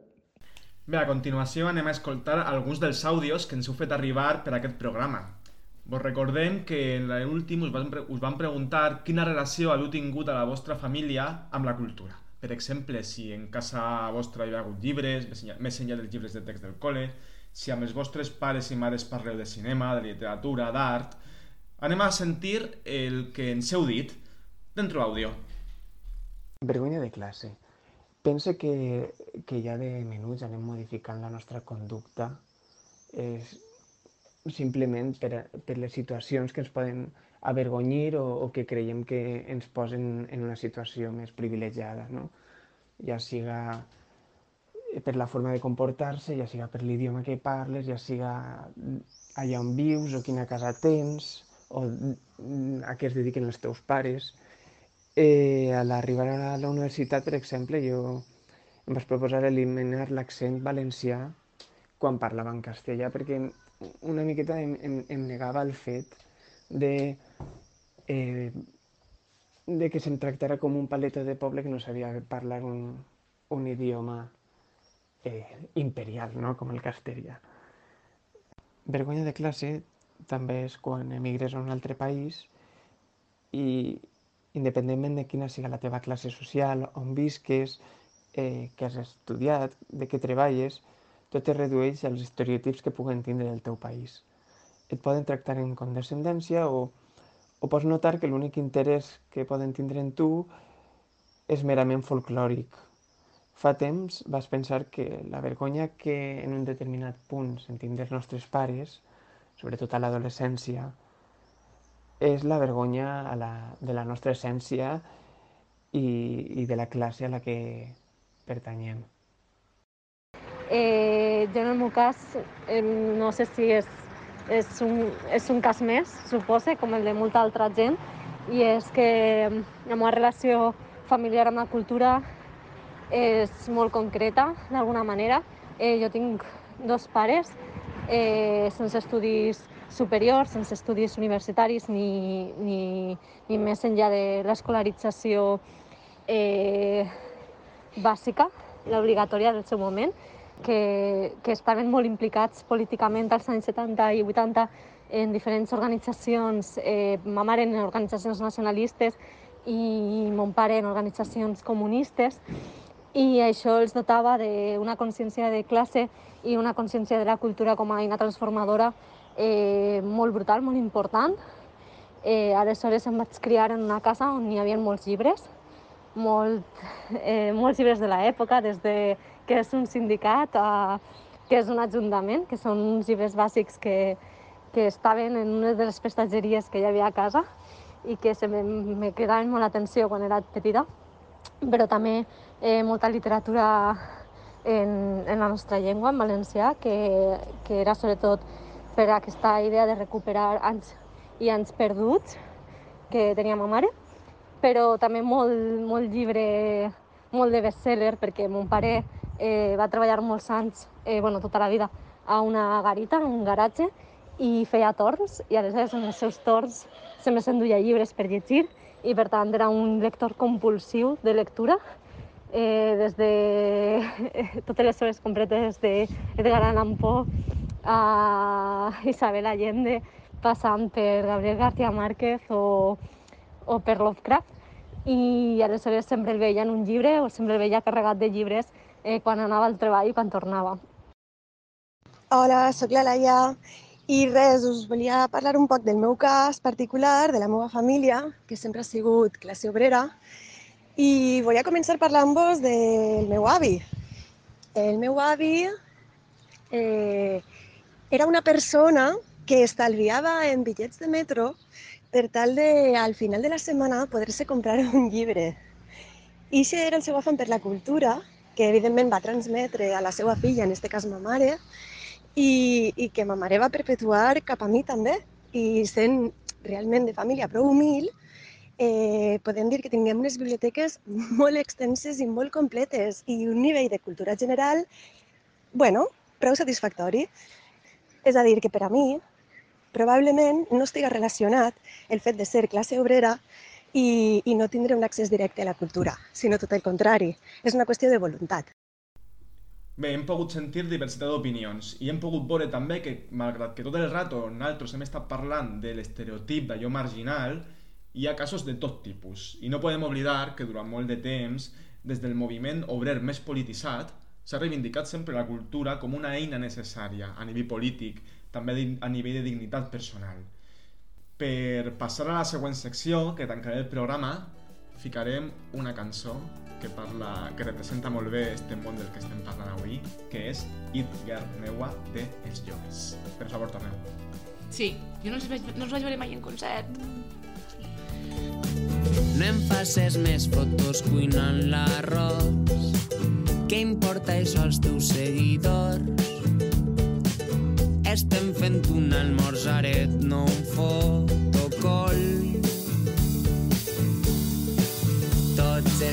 teus amics són tan instruïts, tan moderns. Pronuncieu també els títols en anglès, nivell fas. Tots tan ben plantats, tots etiquetats, tan Bé, uh, avui, eh, per acabar el programa, ja l'estem acabant, sí, ja portem una hora i 18 minuts, per ser exactes, eh, anem a tancar el programa presentant a, a Àngela Àngela Martínez, eh, que ella ve del barri de, de la Torre, d'ací de València, una altra perifèria, A l'altra banda del Túria. a l'altra banda del Túria, exacte, i ella és eh, llicenciada en Filologia Hispànica i es va doctorar fa poc amb una tesi sobre escriptors de classe obrera i sobre el propi concepte de la classe treballadora. Eh, documentant-nos per fer el programa, Kim mm, bueno, va dir que coneixia l'Àngela i eh, li hem fet unes preguntes. Eh, sobretot hem estat parlant, i ja ho hem estat nomenant al llarg del programa, ella parla molt en el seu, jo crec que diríem que és la tesi central de la, del seu treball, són els escriptors impossibles. Eh, escoltem eh, la seva opinió o tota la seva feina a, a, al voltant d'aquest concepte d'escriptors impossibles. Yo no camelo perfume de Nina Ricci, sin más del libro de la Silvia Federici. Será mejor que traten mejor esas bichis, no sea que de repente me escuchen y se compinchen. Os lo tengo dicho. En relación con la primera pregunta que me hacéis, que tiene que ver con la noción que yo manejo o que propongo del escritor imposible, en realidad esta es una categoría que, mm, que estoy manejando para intentar entender de forma específica las autorías de origen obrero, sobre todo en el siglo XX y en el siglo finales del siglo XIX, ¿no? Es una manera de darles un lugar concreto a todos esos autores y autoras que vienen del sector obrero, ¿no? que vienen de la clase obrera y que en algún momento irrumpen en el campo literario y irrumpen en, en el terreno de la literatura. Rayado, campao, rollo funky. Eres la fuerza del demonio. Eres la que quebró el sello de aquel árbol prohibido. Estaba, mientras hacía la, la tesis, estaba leyendo bastantes eh, recopilaciones pues de, de autores del periodo, del siglo XX sobre todo, y me encontraba con que en muchos casos, incluso aquellos manuales que hablaban de novela social o que hablaban de literatura proletaria, en muchos casos tendían a invisibilizar a aquellos autores que venían propiamente de la clase obrera, ¿no? Y pasaban a hablar de una categoría mucho más general donde también había eh, una gran cantidad de autores burgueses hablando sobre ese tema, ¿no? Entonces, en realidad la noción del escritor imposible o de la escritora imposible que yo utilizo es una forma de reclamar eh, un estudio pormenorizado y un estudio concreto, porque creo que hay unas particularidades en el escritor obrero y, bueno, en muchos casos eh, también se homogeneiza con el escritor eh, burgués o con la escritora burguesa, pero creo que debemos construir una manera particular de mirar eso y de estudiarlo. Es decir, hay una importancia fundamental de, la clase a la hora de, de entrar o de intentar entrar al sector de la literatura, ¿no? Entonces, bueno, lo que hacía más o menos era mm, llevarme a mi terreno, el terreno de la cultura, de la literatura concretamente, la explicación que da eh, Pierre Bourdieu, y que me perdonen los, los franceses por la pronunciación, tomar la explicación que él da sobre las clases sociales y concretamente sobre la clase obrera. Y me parecía muy, muy, muy interesante dentro de todas las teorías que hay, todos los modos de comprender qué es la clase obrera. Me parecía muy interesante porque él planteaba que para acercarnos o siquiera aproximarnos a intuir mm, de qué hablamos cuando hablamos del obrero, debíamos tener en cuenta un conjunto de factores y un conjunto de factores donde bueno pues se incluye el origen el sexo la herencia y cuando hablo de herencia no me refiero solo a la económica sino también a la, a la simbólica la herencia cultural que nos dejan eh, los padres ¿no? y las madres el territorio donde vivimos, la composición misma, eh, por ejemplo, de la casa, ¿no? Si compartimos habitación o vivimos en una casa amplia, el tiempo del que disponemos, la relación con la temporalidad, etcétera, etcétera. Y él decía, en este conjunto de factores, que yo los pienso siempre como si fueran un conjunto de, de planetas, ¿no? Como si fuera un sistema funcionando en armonía, hay un vector que me parecía muy interesante y que él nombra como las condiciones de posibilidad. No me compares, no me compares, no me llegan a los abdominales. Una como yo cada dos siglos, ¿sabes? Aunque esté feo decir la cara, el que lo vale, lo vale y el que no al fuego, tú quieres candela. Dice, para entender eh, de qué hablamos cuando hablamos de clase obrera, es importante saber también cuáles son las condiciones de posibilidad de cada clase social, es decir, qué es aquello que considera posible y qué es aquello que considera imposible. Y por tanto, cuáles son sus trayectorias más habituales. Y él ahí habla de trayectorias modales. Pues, por ejemplo, diríamos que una persona eh, nacida en un barrio marginal, etcétera, etcétera, no tiene dentro de sus posibilidades, a priori, o dentro de sus trayectorias modales, ser presidente del gobierno, ¿no? Por poner un ejemplo así muy, muy radical, muy esperpéntico. Fuera quieren trucos malos y yo que siempre me considero un bicho raro. Bien, eh, pero eh, lo que plantea el autor es que a veces ocurren eh, acontecimientos muy concretos y casualidades muy puntuales que rompen esa trayectoria, te permiten desviarte del camino marcado para tu clase social y por tanto accedes a lo que sería una zona imposible, una zona que no parecía eh, destinada para ti, que no parecía que pudieras alcanzar, ¿no?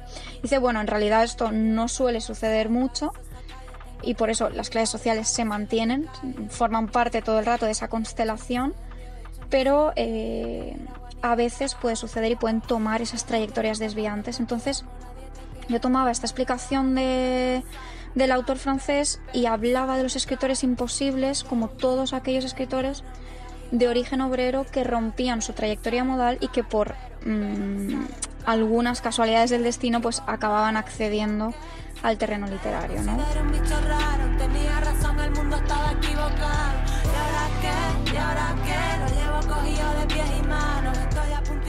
Por ejemplo, ahí eh, estudiaba la obra de, Juan Marsé y el modo en el que él acaba accediendo y acaba siendo un escritor, pues bueno, eh, canonizado y reconocido, pero ese acceso es un acceso totalmente aleatorio y tiene que ver con que su madre eh, está al cuidado de la madre enferma de Paulina Cruzat, que era una, una escritora, ¿no?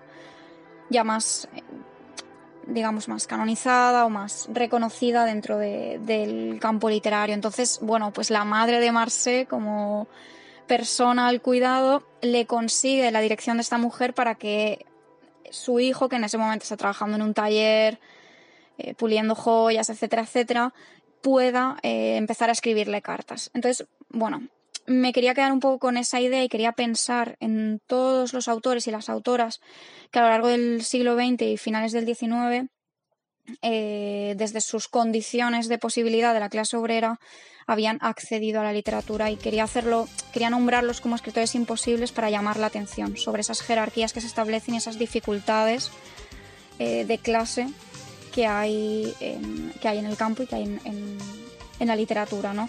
Mi gran pregunta ahora, y es algo sobre lo que no he dejado de, reflexionar, es si este esquema del que os hablaba, esta constelación, se ha modificado o no. Es decir, en qué medida ha habido una transformación, o quizá no, de las condiciones de posibilidad. Si la clase obrera continúa teniendo las mismas trayectorias y continúa teniendo las mismas eh, posibilidades de acceder al discurso audible y al discurso público o, o se han modificado. Eso es algo que creo que, que deberíamos continuar debatiendo. repartes el dinero. Tú eres el vaquilla, el bueno sentimiento. Si al final dependes de un simple carcelero. Tú eres el vaquilla, alegre bandolero, porque lo que gana Bueno, després de sentir este fragment de la conversa que van poder tindre estos dies amb Àngela, a mi lo que me ve al cap és la, el tema aspiracional. que ja ho hem dit abans, el tema aspiracional, sí. Sí, tornem, reprenent un poc el que hem dit abans, com eh, encara que per néixer en un determinat barri saps que no vas a ser mai president del govern, saps que no vas a ser mai escriptor, a vegades n'hi ha escletxes no? en això, i a vegades per coses de la vida... Beneïdes escletxes. Beneïdes, perquè en elles creix les flors i l'herba esta, la marea esta que de l'asfalt. Bueno, Sí. de, La vida mal dan per viure. Sí, exacte. N'hi ha xavals que s'aferren a esta llunyana esperança eh, pensant-se... Eh, allò aspiracional dels xiquillos del meu institut és ser rics, no? Sí. Eh, llavors pensen que algun dia ho seran per atzar, sense haver d'estudiar, sense haver de res, i a vegades eh, no sé si posen tota la seva esperança en l'última aposta deportiva o en que un dia els caga la loteria o què però en tot cas ens remet a allò aspiracional i a aquestes escletxes on uns malden per escriure una novel·la i altres per emular els seus cantants de trap preferits. Sí, el que passa que tots sabem que eh, escriure novel·les eh, està, és precari. Llavors, és que al final qui es sosté escrivint novel·les? Quantes novel·les podrien escriure's si, si no estiguera precaritzat? Bueno, és un, és un tema, és un tema. Val. I ja per anar acabant eh, a- amb l'entrevista que li vam fer a Àngela eh, també eh, Listes guapes límpies que ha sigut també un dels llibres de referència del programa també ho és de la seva novel·la ella parla de les escriptores de la filla de la classe obrera anem a veure també que, que, com desenvolupa més aquesta idea Baila pega conmigo. Bebé, después de todo este tiempo ahora quiere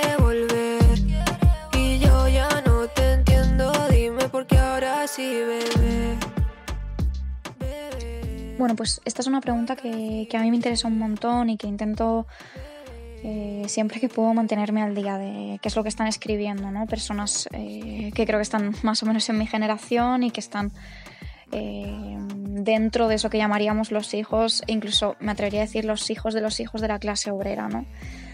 Y bueno, en realidad me interesa mucho lo que están proponiendo porque creo que no es un abandono para nada del referente, sino más bien una resignificación. Creo, cuando leo esas novelas, como la de Pacheco, por ejemplo, creo que lo que está sucediendo ahí es una redefinición de qué es lo que significa ser clase obrera eh, en un contexto como el nuestro, ¿no?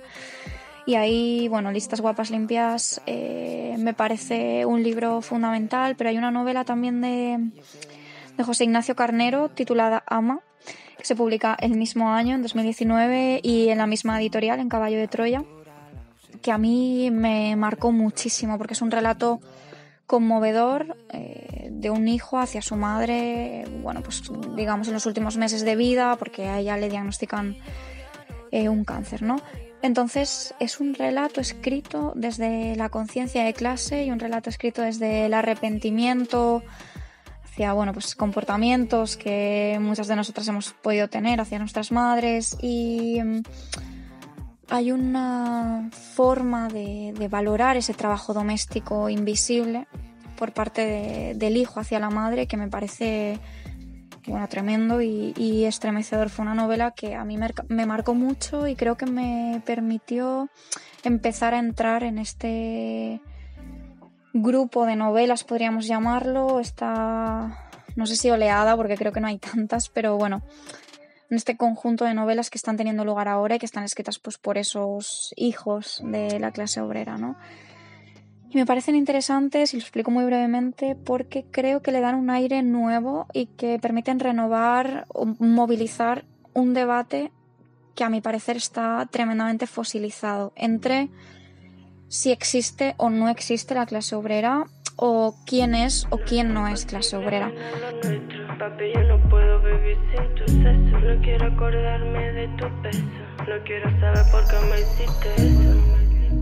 Creo que estas narrativas que están escribiendo los autores más jóvenes, más recientes, en realidad le permiten salir de esa mm, de ese debate fosilizado en el que yo creo que muchas veces nos estancamos y que no me parece nada útil porque ah, no deja de ser muchas veces el enfrentamiento de una postura frente a otra, pero que no va más allá, que no complejiza, ¿no? sino que simplemente disputa identidades. Entonces, no me interesa tanto eso, sino más las narrativas que llamaríamos propositivas. O sea, aquellas que tienen clarísimo su origen, tienen muy clara cuál es su, su clase social y bueno, pues la tratan con, con cariño, la tratan con reconocimiento, con muchísima familiaridad y eso se nota en las novelas, pero saben que sería impostado y que sería forzado moverse con los mismos códigos, ¿no? Y pongo un ejemplo a lo mejor eh, muy básico, pero bueno, pues si nos encontramos con, con algunas, alguna persona cuyo padre ha sido toda la vida trabajador de fábrica, pero de repente ella pues eh, ha podido, no sé, fundar una editorial o eh, montar una librería, por ejemplo, yo creo que es positivo y que está bien que haga explícito que se ha producido un cambio con respecto a la generación previa, con respecto a sus padres y que no es esa trabajadora fabril, por así decirlo. Y creo que gente como Pacheco y gente como Carnero lo hacen, pero dejando muy claro que lo que buscan es renovar el sentido de su clase social, renovar el sentido del obrero. Papi, no siento que estoy contigo.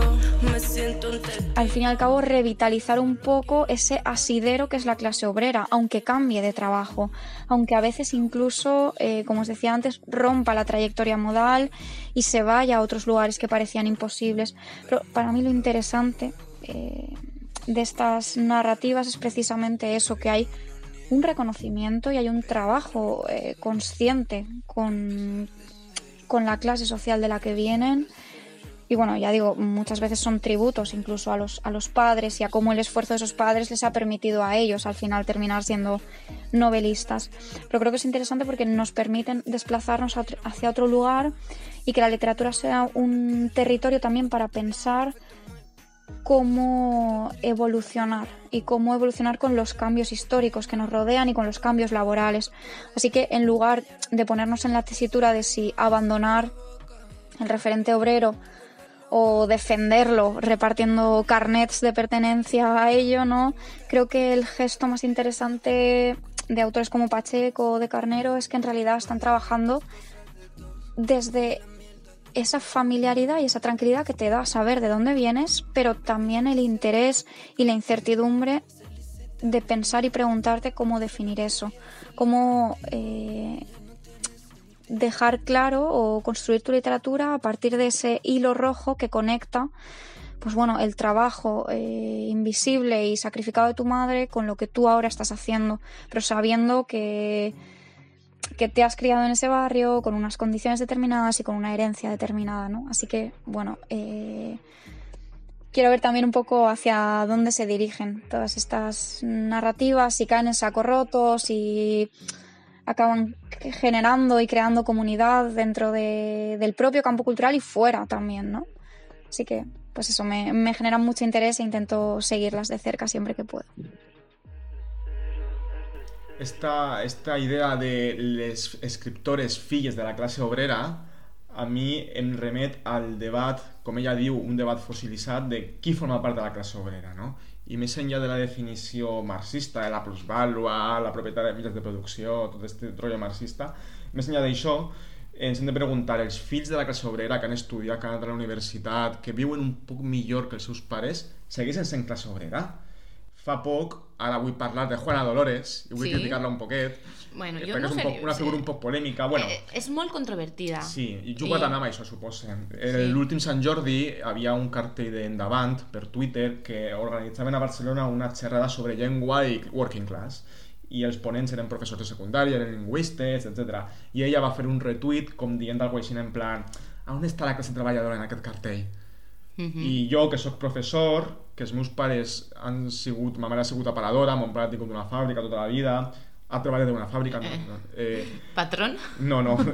Currela, que són de la working class, que s'han esforçat mogolló perquè ma germana i jo puguem estudiar, pues me va grinyolar mogolló això, perquè els descendents de la classe obrera jo crec que, que seguim sent-lo, no? I és el que diu eh, Àngela en, este, en este fragment, que potser tenim codis diferents als de l'obrer fabril del segle XIX o, Totalment. o del, als dels nostres pares, però segueix havent un tema de classe social aquí.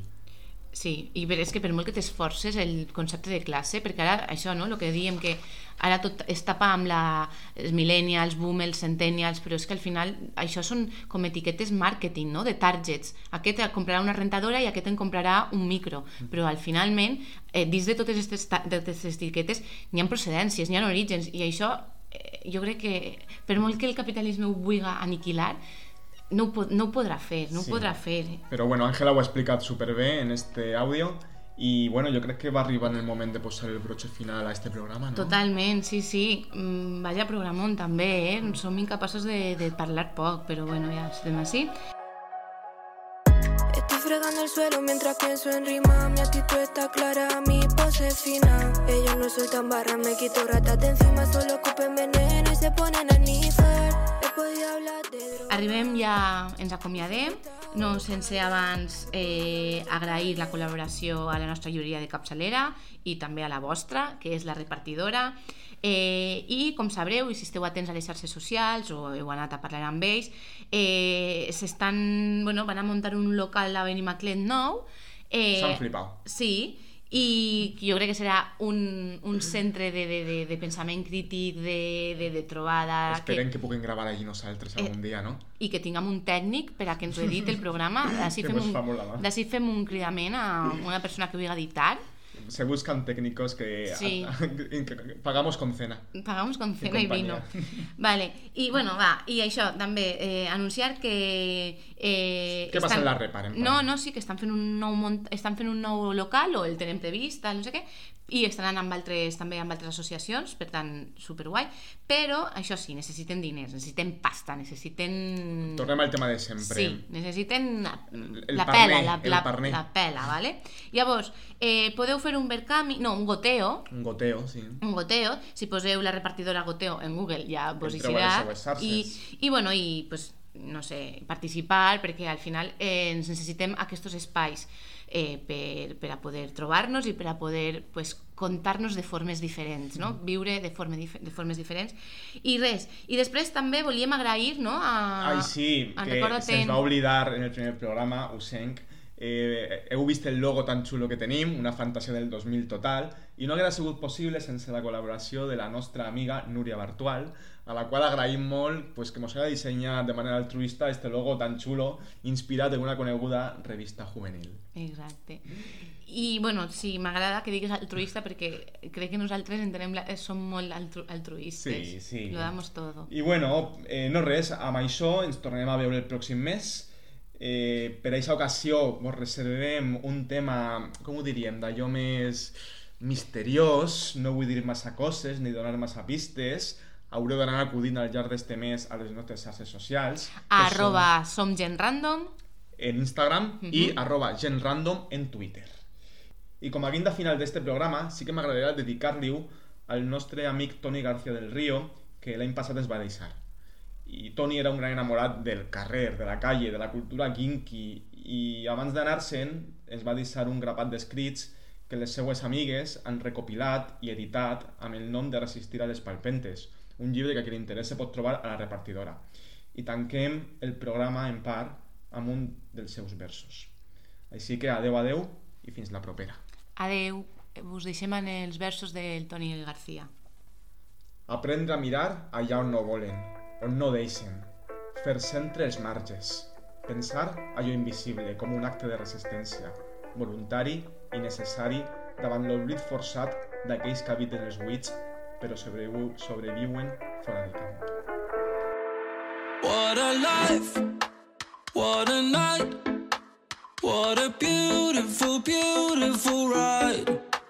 Don't know where I'm in five, but I'm young and alive. Fuck what they are saying, what a life. I am so thrilled right now, cause I'm popping pills right now. Don't wanna worry about a thing. Makes me terrified to be